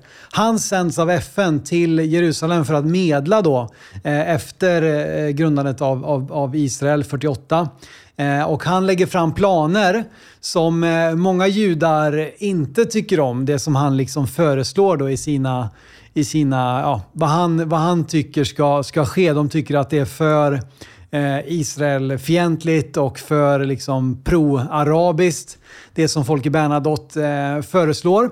Och framförallt då Lechi, Sternligan, de, de tycker att eh, han kan inte få vara kvar. Så de helt enkelt eh, eh iscensätter ett, ett, ja, en, ren, en ren mord, en avrättning av Bernadotte den 17 september. När han var i Jerusalem och reste runt för och gjorde olika besök så, så stannas han mitt på vägen eh, och eh, helt enkelt blir, blir eh, skjuten på eftermiddagen där den 17 september. Ehm, och ja, även om det här Ja. Intressant, det, det, det mordet finner ju sted mitt i Jerusalem. Alltså intressant, men, men det, det, gör det mitt i en skarp sväng vid eh, det Islamiska museet idag. Inte så långt från där presidenten, israeliska presidenten bor. Eh, så, mm. så de har ju verkligen valt ut ett ställe där, där svängen går, den svänger nästan 180 grader. Så bilen stannar nästan helt upp där och, och där slår de till då. Mm. Så men eh, jag, jag, har två saker kanske som jag bara tänker säga och understryka innan vi går vidare här. Och det ena är att eh, de här attackerna som vi pratar om, alltså de Lechi och undergrundsrörelserna och även de här bombningarna på marknaderna. Inget av det här händer ju i ett vakuum. Det är ju för att det konstant är arab, angrepp, attacker från araberna på judarna. Så, så mm. det är alltså gengäldelse, uh, vad heter det på svenska? Ja, hämnd och vedergällning. Och... Vedergällning, ja. precis. Så, så det, det händer ju, det går åt båda, båda håll. Och det andra jag måste säga är att uh, Just under andra världskriget då, när Ben Gurion hade den attityden han hade att vi står tillsammans med britterna, så hade inte Irgun samma attityd. Och de attackerade även under kriget brittiska militära mål. Och det mm. gjorde till slut att Ben Gurion och Haganah började överlämna Irgun-medlemmar och Stern-medlemmar till britterna. De gav namnlistor på vem de borde, borde fängsla och så vidare. Så här har vi en intern, verkligen kamp mellan de judiska undergrundsrörelserna. Och det finns ett äh, fängelse, det, nu är det ett museum i Jerusalem, som är the, the, the Jewish Underground Museum, äh, där de här fångarna blev satt in och där det föregick en berömd flykt också. De lyckades faktiskt fly en hel, jag tror det var sex, sju stycken som flydde därifrån.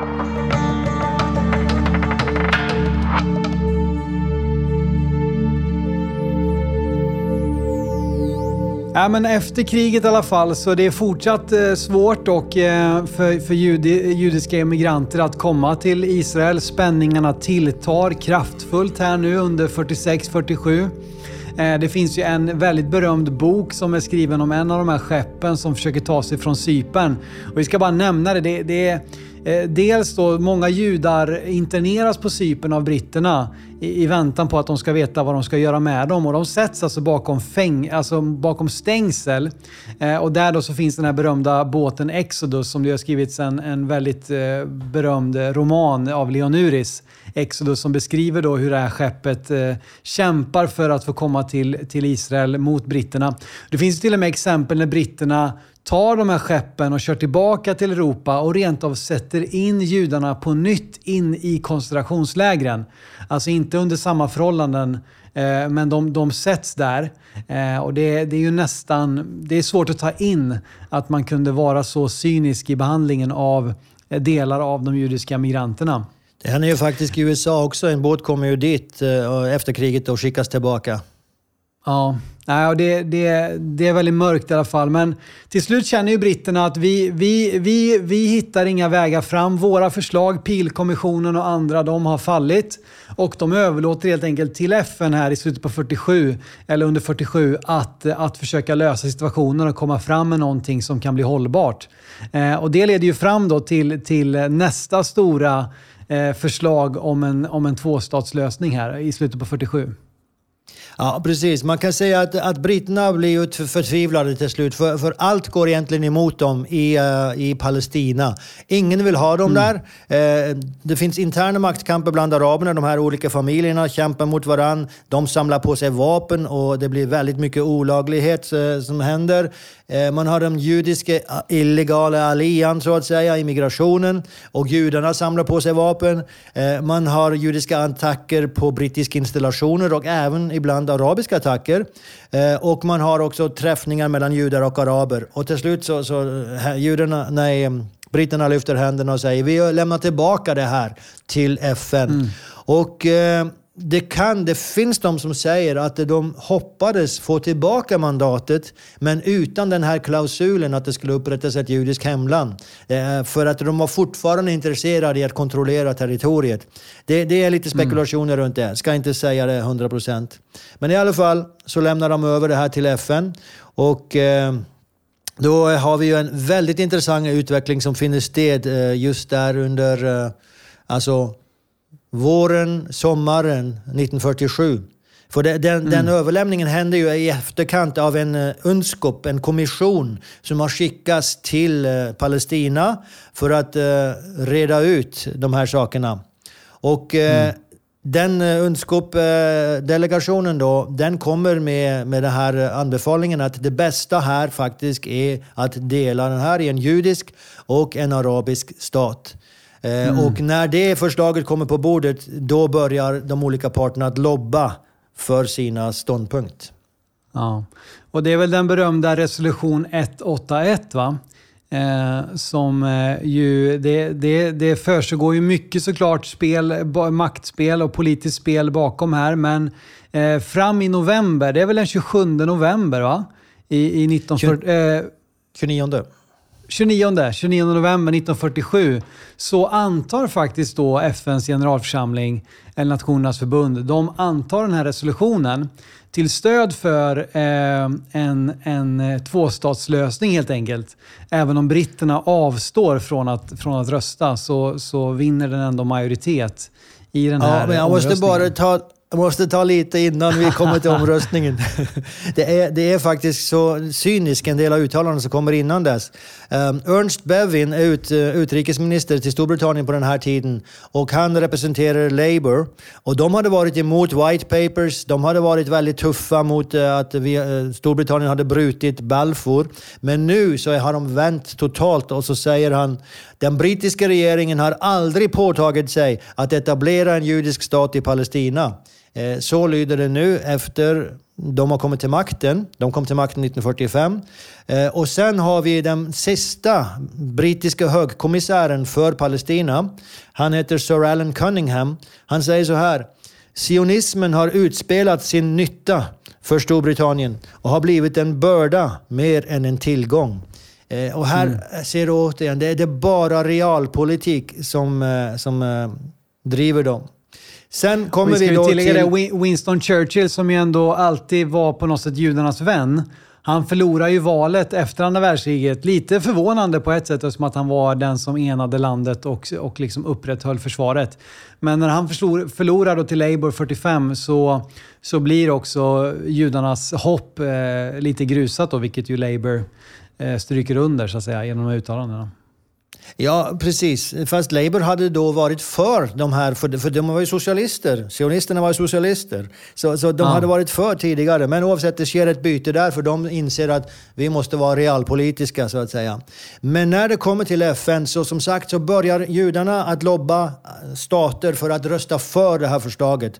Medan araberna börjar lobba för att rösta mot. Och även Storbritannien hotar stater för att inte rösta för. De vill att det här ska falla. Mm. Eh, så när då judarna kommer till den brittiska representanten i FN, Harold Bailey, så kommer han med det här uttalandet till judarna.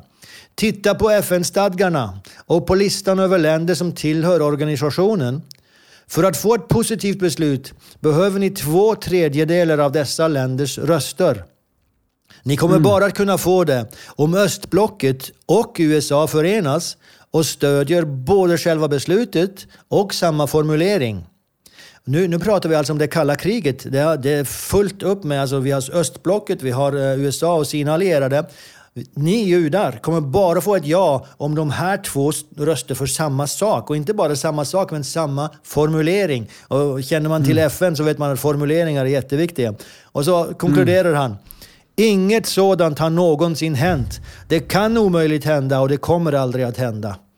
Så han var helt negativ. Det här kommer inte gå igenom. Men som du sa då, eh, förslaget eh, blir vedtaget. 33 röstar för och 13 emot. Eh, och det garanterar då två tredjedels flertal för förslaget. Och tio länder lägger ner sina röster då, där är Storbritannien en av dem. Och vid den här tidpunkten så var ju FN inte vad det är idag. Det, det var ju ett mycket mer begränsat antal länder som var med. Men, eh, och, och sionisterna, de, de tackar ju ja än en gång till det här förslaget. Trots att de, de såklart skulle önska mer och de skulle vilja ha en större del utav, eh, liksom, mer del Jerusalem och så. Men de inser att vi, vi får tacka ja till det som den möjligheten vi får. Och eh, Chaim Weissman ska ha sagt att jo, jo, men även kung Davids eh, rike var litet i början och sådär. Så att eh, liksom de, de försökte ändå se det positiva i detta. Men det arabiska samfundet, de arab, arabvärldens länder, de förkastar ju detta förslag än en gång. Och eh, nu börjar ju situationen på marken bli ohållbar efter den här resolutionen. Eh, och britterna, även om de ska fortsätta ha kontrollen under några månader till, så håller de ju på att fullständigt tappa kontrollen. Och det är ju rent, rent liksom gerillakrig numera som, som bryter ut, ja. inte minst runt Jerusalem. Ja, precis. Det, det kallas ju eh, kriget om vägarna. Eh, men bara, bara poängtera en sak som vi säkert har sagt innan. Alltså, FN-förslaget pratar ju som sagt om en judisk och en arabisk stat, inte om en palestinsk stat. För på den tiden så, så fanns inte liksom, den tanken om att palestinierna skulle ha en egen stat, att det fanns palestinier. Så bara en poäng i det hela. Men som du säger, nu börjar kriget om, om vägarna. Och varför är vägarna så viktiga? Jo, därför att de judiska samhällena är väldigt utspridda runt i landet. De finns i Judeen, Samarien, de finns nere vid kusten, och de finns i Galileen och det finns lite i Negev. Eh, men de är väldigt utspridda. Och araberna inser att om vi kan kontrollera vägarna så kan vi förhindra dem från att koordinera, vi kan, vi kan eh, isolera dem och så vidare. Eh, så det som händer redan första dagen efter, alltså 30 november, så är det en buss på väg från, eh, tror det från Haifa till Jerusalem. Blir stannad av, eh, av araber utanför Ramle. Och eh, där så går terrorister ombord och skjuter och dödar fem stycken. Mm. Och det här sätter då igång det som kallas kriget om vägarna. Innan året är slut, alltså nu var det alltså 29 och 30 november, så på en månad så är det 204 judar som har blivit dödade i olika attacker. Och eh, eftersom judarna då börjar försvara sig så är det lika många araber som blir dödade också under mm. den perioden. Och även britter kommer i kläm här och eh, en del brittiska soldater dör i de här stridigheterna också. Eh, och det är ju så att, att mycket är ju ändå också runt Jerusalem, att, att säkra tillgången till Jerusalem. Och tittar man även idag på en karta då där man ser så att säga, Västbanken, eh, så ser man ju att Jerusalem är som en kil in i de eh, palestinska eh, A, B och C-områdena. Eh, liksom där, där så är det ju en kil. Och det var ju här en otroligt eh, viktig kamp stod då från Tel Aviv som ju var det moderna Israels på något sätt eh, eh hjärta. Och vägen därifrån, det är ju bara några mil. Vad är det? Fem mil däremellan va? Tel Aviv och Jerusalem. Ja, fem, ehm, sex mil. Där är det otroliga stridigheter och där kommer ju det här berömda Burma Road eh, in som, som, eh, som eh, ja, där, där det helt enkelt är en kamp om att överhuvudtaget kunna eh, föra fram mat och vapen och ammunition då till judarna som fortfarande är kvar i Jerusalem. Ja, precis. Eh, och eh, bara säga det att eh, det finns ju inga gränser i det här området. Alltså, vi måste bara slå fast det. Alla sitter ju med de här västbankgränserna i huvudet. De finns inte. Västbanken finns inte. Så närvaro utgör egentligen landområdet. Alltså, där, du, där du är, det är där ditt land kommer att vara. Och därför så är det väldigt viktigt vart du klarar att behålla, om du behåller en bosättning ett ställe eller ett samhälle någon ställe.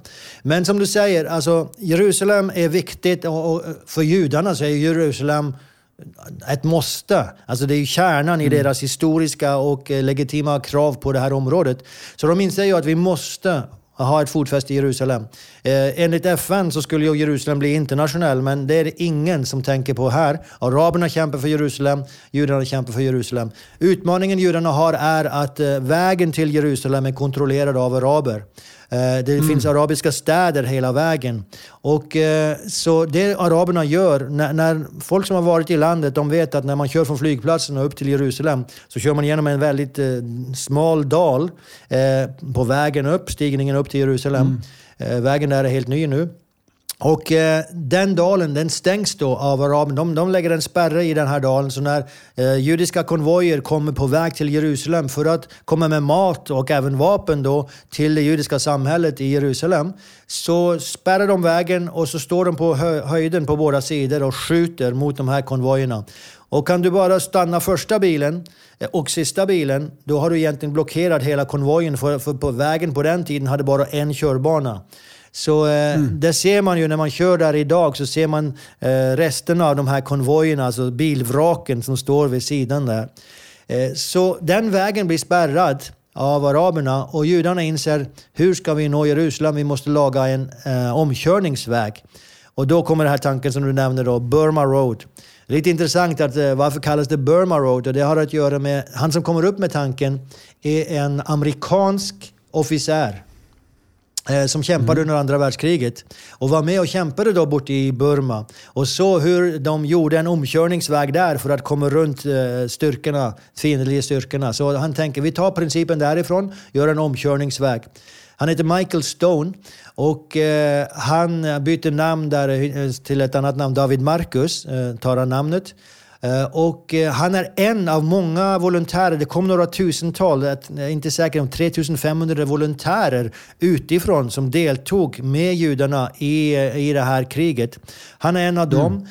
De bygger om Burma Road, alltså de bygger en helt ny väg lite söder om den huvudvägen som de själv kan kontrollera. Från början kan de bara gå dit genom med mat på ryggen för att se till att de får mat i, i Jerusalem och vapen. Men efter ett tag kan de även ta konvojer, alltså i alla fall trucks, eh, köra igenom där. Eh, ska bara säga, så, så det räddar ju på många, mått, många sätt Jerusalem tills de lyckas öppna vägen. Och då har vi ju Yitzhak Rabin som är eh, mm. central i, i, just den biten. Bara, bara berätta slutet på David Marcus. För eh, det är en tragisk slut för hans del. Han eh, är väldigt dålig på hebreiska.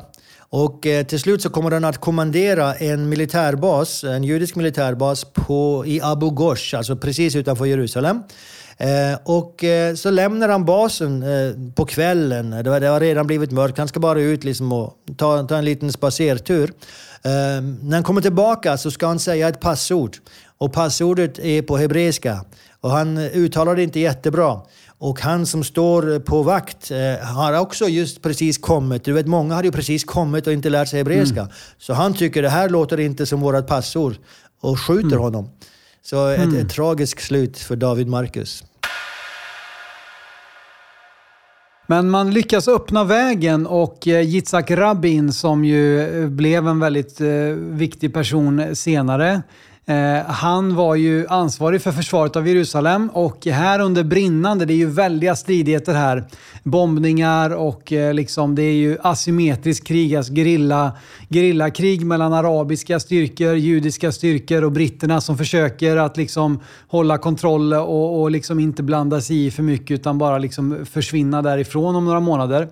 Eh, men det finns en intressant sak här att runt påsk där i april 48 då bestämmer sig David Ben Gurion att han ska följa med en konvoj upp till Jerusalem för att vara och fira påsk med de judiska trupperna liksom för att gjuta mod in i, styrkorna.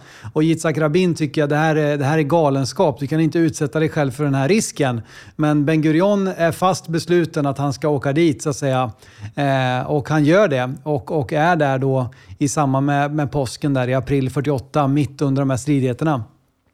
Under de här krigen också så är det ju väldigt många, av stridigheterna så är det ju många araber som börjar lämna sina hem.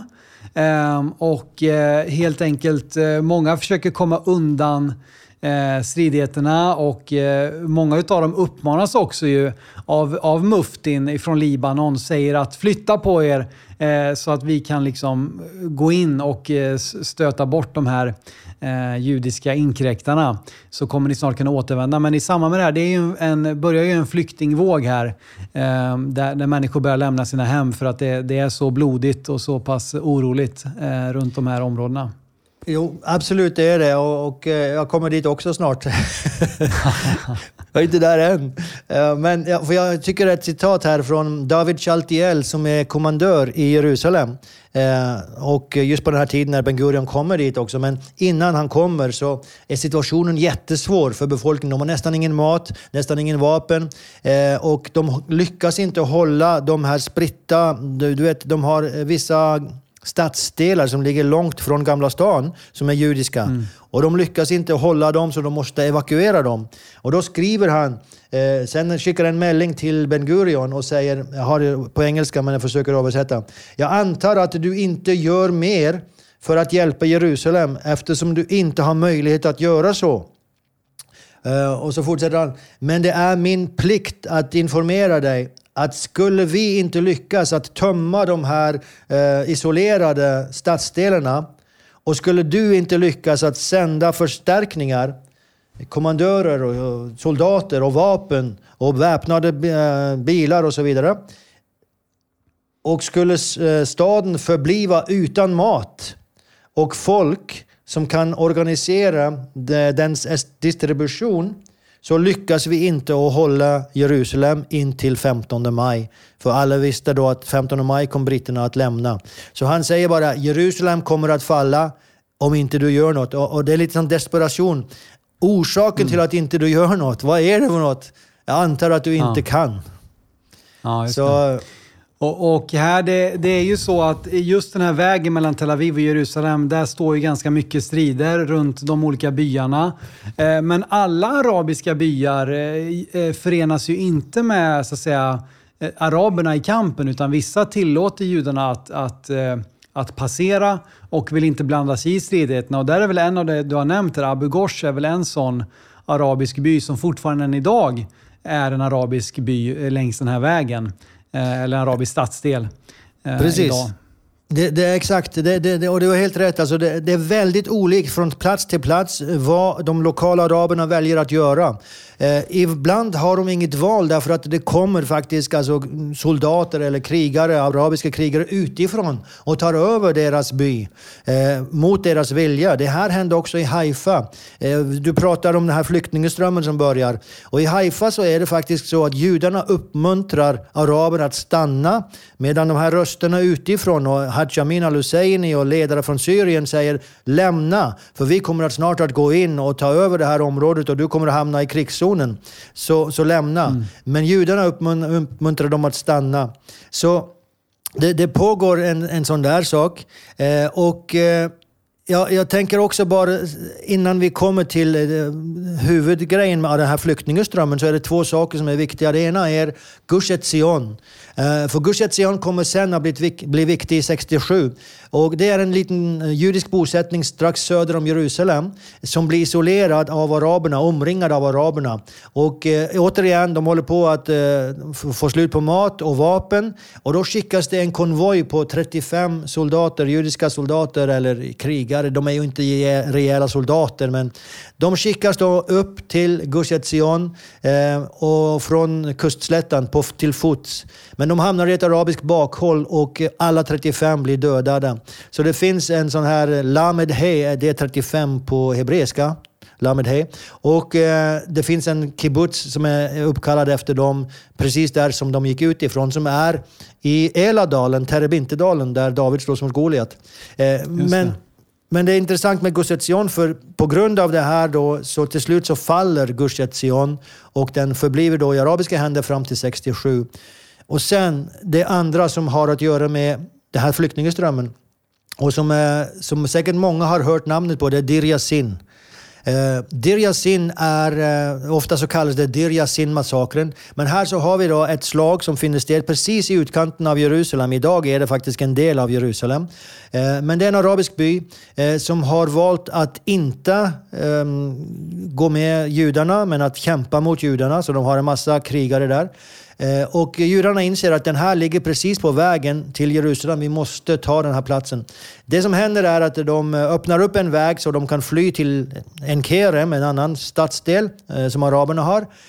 Men de väljer, många väljer att stanna och kämpa mot judarna. Och däribland också kvinnor och barn. Så då har vi två versioner vad som hände där och araberna säger att 250 personer blir massakrerade och särskilt då kvinnor och barn. Eh, de säger också att de blir lemlästade och eh, våldtagna.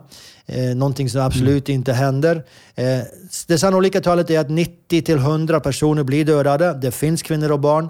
Eh, det har att göra med sättet som de kämpar på där, där de även då klär sig ut som kvinnor men gömmer sig i, i de här hemmen. Men oavsett, Dir Yassin har blivit symbolet bland araberna på judarnas fruktansvärda metoder, alltså en massaker. Och den mm. historien från Dir Yassin sprider sig till resten av araberna och leder till att många flyr i fruktan. För de tror att det här var sant och att det är vad judarna kommer att göra sen.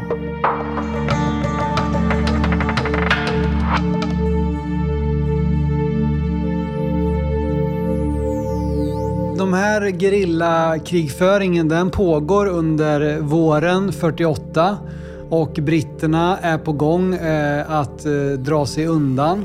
Och du sa att den 15 maj så skulle britterna lämna området och eh, dagen innan det så är vi väl faktiskt framme vid eh, själva huvudhändelsen, nämligen den 14 maj 1948 där ju David Ben Gurion samlar till eh, till en eh, mycket, mycket viktig händelse i Independence Hall i eh, Tel Aviv. Ja, precis. Ehm, det, är ju så att britterna väljer ju faktiskt ett tidpunkt som är svårt för judarna, för det är på sabbaten. Alltså midnatt eh, mellan fredag och lördag. Den, mm. Är alltså en helig dag för judarna. Så judarna är tvungna att utropa sin frigöring innan eh, britterna lämnar. Men de säger det kommer inte att gå i fullbordan för britterna lämnar. Eh, men det är lite sådär, eh, du ser britterna hur de för, hela tiden försöker skapa problem för, för judarna. Eh, och det finns också något som kallas the Portsmouth Treaty, eh, där, där, som går ut på att när eh, britterna lämnar så har de redan avtalat med araberna att överlämna en del av de här Taggart-forten till araberna. Mm. Eh, så, så de samarbetar väldigt mycket med araberna. De har även tränat den jordanska legionen. Så den, den bästa armén i Mellanöstern på den tiden, det är den jordanska legionen som sen kommer att komma in då eh, och kämpa mot judarna. Så det finns väldigt mycket, återigen här, negativt eh, brittiskt eh, bidrag. Men det är som du säger, eh, vi har utropandet av staten den 14 maj i Tel Aviv. Mm. Och där så bjuder då David Ben Gurion in egentligen alla sina politiska eh, meningsmotståndare, förutom som du nämnde då kommunisterna och eh, Menachem Begins eh, eh, eh eller är de med? Det, det, det är ju en lång rad som är med och skriver under självständighetsförklaringen där från 48. Ja, nej, det, det är ingen ifrån de två partierna. Det, det är ju hans regering som är där och där finns ingen ja. från de partierna. Nej. Men eh, där så har du i alla fall eh, en mycket välkänd, det finns ju inspelat, nu är vi ju på den tiden att, att det finns liksom filmade sekvenser och det här finns ju bevarat. Eh, Ben Gurions eh, berömda själv, självständighetsförklaring här. Eh, jag vet inte om du har något citat därifrån som du vill dela med dig av eller? אנו מכריזים בזאת על הקמת Medinat Israel. Jag har glömt faktiskt, jag var inte förberedd på det just nu. Men jag har hört det här så väldigt många gånger på, på just det museet. Där, alltså, det var ju inte ett museum då. Men, eh, men han säger ju det, vi, vi erkänner med det här eh, upprättandet av staten eh, Israel, nej, den judiska staten. Och den ska kallas Israel, staten Israel. Eh, så, och då hade det varit en lång, ett långt beslut, eller lång diskussion innan. Vad ska vi kalla den här staten? Förslagen var bland annat Sion, eh, Juda, eh, Palestina och Israel. Så, så de mm. hade lite att ta i där. Och en annan intressant grej är att den här oavhängighet, så heter det? Självständighetsförklaringen. Precis. Den eh, hänvisar inte, det står inte Gud i den, eh, i den erkläringen. Eh, för de religiösa judarna ville att Gud skulle nämnas och de sekulära ville mm. inte att Gud skulle nämnas. Så, så de kom fram till en kompromiss där det står The Rock of Israel, alltså Tsur Israel. Och, och då mm. tolkar då de religiösa det som Gud och de andra tolkar det som den judiska traditionen och så vidare. Just det. Israels klippa, ja. Precis. Ja. Eh, de gör detta den 14 maj och den 15 maj så lämnar britterna och samma dag så förklarar då eh, samtliga eh, arabiska grannstater krig emot den här nyfödda staten som ju till stor del bestod av överlevare från förintelsen. De var väldigt begränsat eh, beväpnade. De hade ju mycket gamla vapen eh, och de hade liksom fått ta de vapen de kunde hitta mer eller mindre. Eh, och nu då så, så ställs de inför, inför ett regelrätt krig då med, det är väl egentligen samtliga. Alltså du har Egypten, Jordanien, Syrien och här kommer ju också styrkor ifrån nästan alla arabländer. Alltså det, ja, det reser har... dit frivilliga. Um, Precis. Ja. Du, har, du har fem länder som erklärar krig, så, så det är de du nämnde plus Libanon och Irak. Och sen kommer det då frivilliga från andra länder. Så det, det är ju massivt, men deras utmaning är ju det att det finns så väldigt många olika agendor. Eh, några vill ju, alltså Abdullah eh, vill, vill ju ha det här som en del av sin, eh, sitt rike och eh, andra vill inte, absolut inte det. Och så har du palestinska araber, så, så lokala då, som har sina agendor. Så det, det är väldigt motstridiga. Det svåra för dem är att få en enhet i kampföringen. Uh, så, men de kommer, fem nationer mm. plus uh, frivilliga från andra länder. Och de kommer och, mot ett judiskt folk som inte har haft lov att samla på sig vapen. Det enda de har i princip det är handvapen och några hemmagjorda granater så att säga. Mm. Nej, precis. Och vi ska väl ändå konstatera att det här är en helt historisk händelse. För även om eh, judarna hade närvaro i Jerusalem liksom, och hade templet så fram till år 70 så var de ju inte självständiga sedan 63 f.Kr. när romarna kom in och invaderade landet så har ju inte judarna haft en självständig stat alltså på, på över 2000 år. Eh, och de har inte liksom haft eh, eh ja, kontroll över området eh, på, på all den här tiden. Och, och med tanke på den berättelsen vi försöker beskriva så, så tycker jag ändå, alltså, som, som kristen så, och liksom med Bibeln som grund, så, så, så känns det som något av ett mirakel att det här landet faktiskt eh, upprättas. Och det finns ju faktiskt ett, eh, en, en profetisk text i, i Jesaja där det talas om att kan en nation födas på en dag? Ehm, och på något sätt, för den som är troende så, så kan man se att här sker detta. Det här, det här landet föds den här 14 maj då, 1948 mot alla odds kan man väl ändå säga. Eh, och ställs direkt då inför ett, ett eh, krig mot sina grannländer. Ja, det, det, är definitivt mot alla odds. För du, du, kan säga, upp genom hela historien så var det väldigt få som hade behov för en judisk stat. Eh, alltså, de kristna trodde ju inte att det här skulle upprättas. De var ju ersättningsteologer allihop, i princip. Det är mm. först de senaste ett par hundra åren att det har kommit kristna sionister. Eh, så under 1800 år fanns de inte. Och judarna trodde att Messias skulle göra det här. Så, så det var väldigt få som jobbade för, för bara liksom 50 till 100, max 100 år innan staten kommer till, då började det här att bli en tanke så att säga. Men för väldigt många århundraden så var det helt otänkligt. Och, och sen då, mm. eh, alltså det miraklet att de överlever det här, det här kriget. När, tänk på hur få de är, de är 600 000, eh, och eh, hur dåligt utrustade de är med vapen för att britterna har hela tiden slagit ner på De får inte ha vapen. Så de har handvapen. Mm. Och bara ett exempel här är ju att den kibbutzen Yad Mordechai, som ligger strax norr om Gaza idag, den stannar ju hela den egyptiska armén under fem dagar, helt i början där, 19 till 24 mm. maj. Och som ett resultat av de fem dagarna, en, en liten kibbutz stannar hela egyptiska armén, så lyckas man att få in vapen utifrån. För nu är britterna borta. Nu kan man få in vapen och det, det hjälper dem. Alltså bara de här fem mm. dagarna hjälper dem att kunna få, ja, i alla fall överleva ett tag till och till slut så vinner de ju. Ja, jag tycker bara vi må, jag måste göra rättvisa till det här med flyktingarna, för det, det finns ett par saker till där. Vi har nämnt varför de flydde. Det ena var att de blev uppmuntrade att göra så från uh, grann, grannar omkring och från Haji Amin al-Husseini. Det andra var att uh, den här massakern, eller så, den påstådda massakern, Dir Yassin, det spredde fruktan. Och det tredje är ju att man flyr för det att det är krig.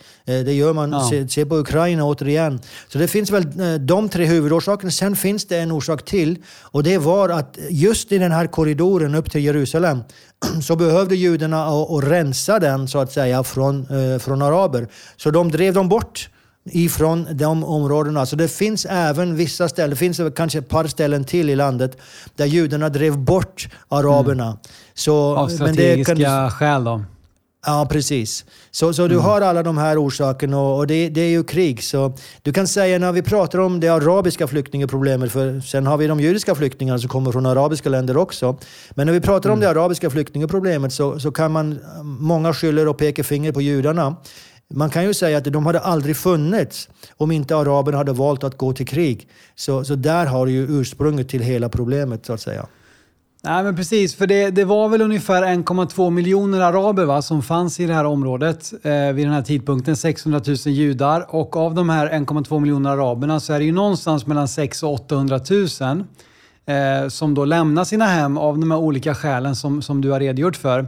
Och det som ju eh, för judarna liksom är den stora segern, frihetsdagen, eh, det kallas ju av, av, av, av araberna för nakba. Alltså den stora katastrofen. Eh, för, för dem så är ju detta en sorge eh, en sorgedag än idag faktiskt, där man då beskriver detta som, som den stora katastrofen. Och eh, de här 6 800 000 araberna som lämnar sina hem. Och många trodde ju att om, en, all, om bara några veckor, om några månader kommer vi kunna återvända. Eh, när, vi har, eh, när vi har vunnit kriget och när det har lugnat ner sig. Eh, men det blev ju faktiskt så. Det var ju ett års krig ungefär. Va? Eh, in på 49 så pågick det här som judarna kallar för frihetskriget och ibland så talar man om det som det första judiska-arabiska kriget. Eh, men eh, de, de besegrar alltså alla den här, den här enade arabiska fronten ifrån eh, ja, mycket större reguljära arméer och bättre beväpnade, större till antalet. Men där ser man också eh, liksom, kraften i, för, för på något sätt för judarna, så de, de, de strider ju för sin överlevnad. De vet att om, om vi inte nu försvarar detta med våra egna liv, då, då, är det, då är det ute med oss en gång för alla på något sätt. Så att de är ju högt motiverade, judarna.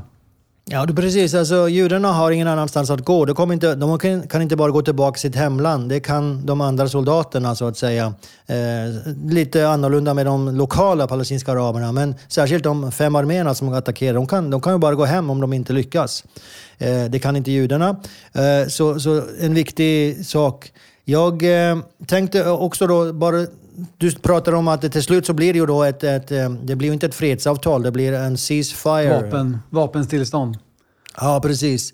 Eh, och eh, det är ju baserat på det som hände där, som, som du kan säga mycket av debatten som vi för idag, den baserar sig på vad som hände där under den här vapenstillståndsförhandlingarna.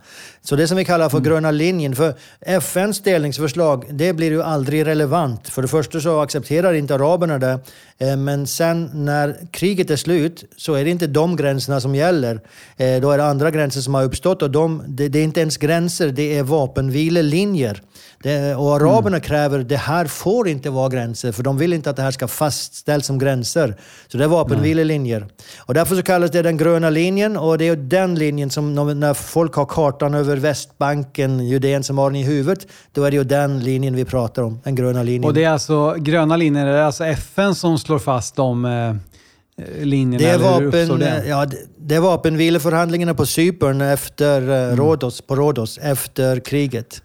Och där har vi ju då, eh, det, det kommer ju att förändras kraftfullt också i samband med, med 67, sexdagarskriget. Men, men eh, när man är i Jerusalem idag, så jag menar, det, det, det går ju inte att se. Det är inte som att det finns en, en mur eller liksom en tydlig avgränsning, utan det, det, det byter ju från ett hus till ett annat. Ja, men liksom... Eh, men när, när, när kriget tar slut i alla fall, då har judarna lyckats hålla kvar vid västra Jerusalem. Men Jordanien sitter ju då på gamla staden och östra Jerusalem. Eh, och här nu då så har ju judarna fråntagits eh, kontakten till västra muren och gamla staden överhuvudtaget. Um, och, eh, och 49 då så, så uppnår man vapenstillestånd och eh, den, ny, den nyfödda staten Israel har bestått sitt första eldprov. Eh, och eh, de kan bygga vidare så att säga därifrån. Ja, precis. Eh, men nu använder du redan ett par ord där som, som eh, är ett resultat av det här kriget som vi idag inte tänker så mycket på. Att de kommer faktiskt härifrån, härifrån östra Jerusalem. De kommer ja. ju, på grund av att som ett resultat av det här kriget så får Jordanien kontroll på den östra delen och Israel får kontroll på den västra. Men du kan säga att det har aldrig funnits i historien östra västra Jerusalem. Det, det har, det har funnits ja. ett Jerusalem. Och ja, det östra Jerusalem... In på, och, och det var ju först på slutet av 1800-talet som det överhuvudtaget fanns något Jerusalem utanför gamla staden också. Precis. Så att, 1860 eh, så byggs de första bostäderna utanför. Eh, så, så, östra Jerusalem är det historiska Jerusalem, det är det bibliska Jerusalem så att säga. Mm. Eh, men så där, där ser vi, idag så tar vi det för givet, östra och västra Jerusalem, men, men det börjar här. Och även då ordet Västbanken, det kommer 1950. som vi idag mm. tar för givet, det är jordanerna som sätter det på det här området 1950. Ja, på västra sidan om Jordan helt enkelt. Västbanken. Ja, västra banken, precis. Ja. Västra Jordanfloden. Och eh, idag så har det blivit standarduttrycket, till trots för att det var bara 19 eller 18 år som det egentligen var relevant. Eh, ja. det, hela tiden genom historien så är det Judeen Samarien så att säga. Och det, det, är ju här, det har vi varit inne på tidigare då, men, men här från 48 så, så annekterar ju då eh, Jordanien Abdullah han ville ju gärna ha det här som en del av sitt rike och eh, Jordanien går in och annekterar de här delarna. Ehm, det som vi då känner idag som, som Västbanken och, och östra Jerusalem. Eh, och det kommer så att förbli till 67. Eh, vi har pratat om de, om de arabiska flyktingarna som, som får lämna sina hem under det här frihetskriget, eller judisk-arabiska kriget. Men det får ju också till konsekvenser 48-49 att samtliga judiska invånare, för vi ska komma ihåg nu att i Mellanöstern, du nämnde det i början på avsnittet, där fanns det gott om judar och har ju så funnits ända sedan bortförandet till Babylon 586 f.Kr. Så har en stor, ett stort judiskt centra varit då i, i Mellanöstern. Och samtliga judar utvisas ju ur sina arabiska hemländer eh, som ett resultat av staten Israels grundande. Så 48-49 så utvisas ju eh, samtliga. Det blir omöjligt för judar att, att överhuvudtaget finnas i, eh, i de här arabiska länderna. Ja, det är inte samtliga. Det är inte, inte alla länderna. Det finns kvar judar lite. Fortfarande idag finns det ju faktiskt i vissa arabiska länder lite judar. Men, eh, och inte alla blir utvisade heller, men många flyr av fruktan så att säga. Så det, det är lite olika. Men du kan säga att vi har en ström av kanske 800 000 eh, flyktingar från de här länderna eh, mm. som, som kommer till Israel då och eh, som Israel då tar emot. Men en annan sak som också är, en annat ställe som de får fly ifrån, det är den så kallade Västbanken. Alltså Jordanien slänger ut alla sina judar så att säga, där, i det området de tar kontroll över. Till exempel mm. Gush Etzion där det faktiskt är en massaker först. Men de, de blir utslängda därifrån. Eh, medan självklart araberna i Israel får ju stanna kvar och få medborgarskap. Mm. Och idag, jag menar, du, du kan nästan räkna på de, de länderna idag, arabiska länderna som har störst judisk befolkning. Det är typ Marocko och då talar vi om några tusen.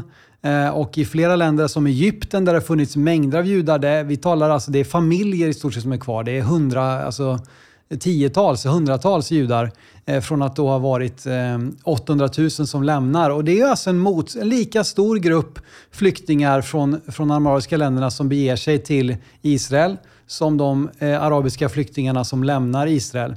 Eh, men de 400 000 araber som är kvar i landet Israel, de får ju, eh, de får ju rätt att bli medborgare i den nya staten, eller hur? Eh, och eh, många av dem i alla fall.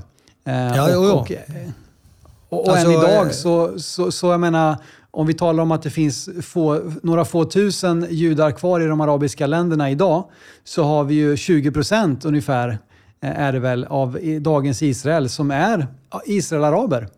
Människor Absolut. med samma medborgerliga rättigheter som, som deras ja, och, och det, Exakt, och det var ju något som David Ben Gurion på hela 30-talet, 40-talet eh, uttalade gång på gång. Vi vill att ni ska stanna, ni kommer att få lika rättigheter och så vidare.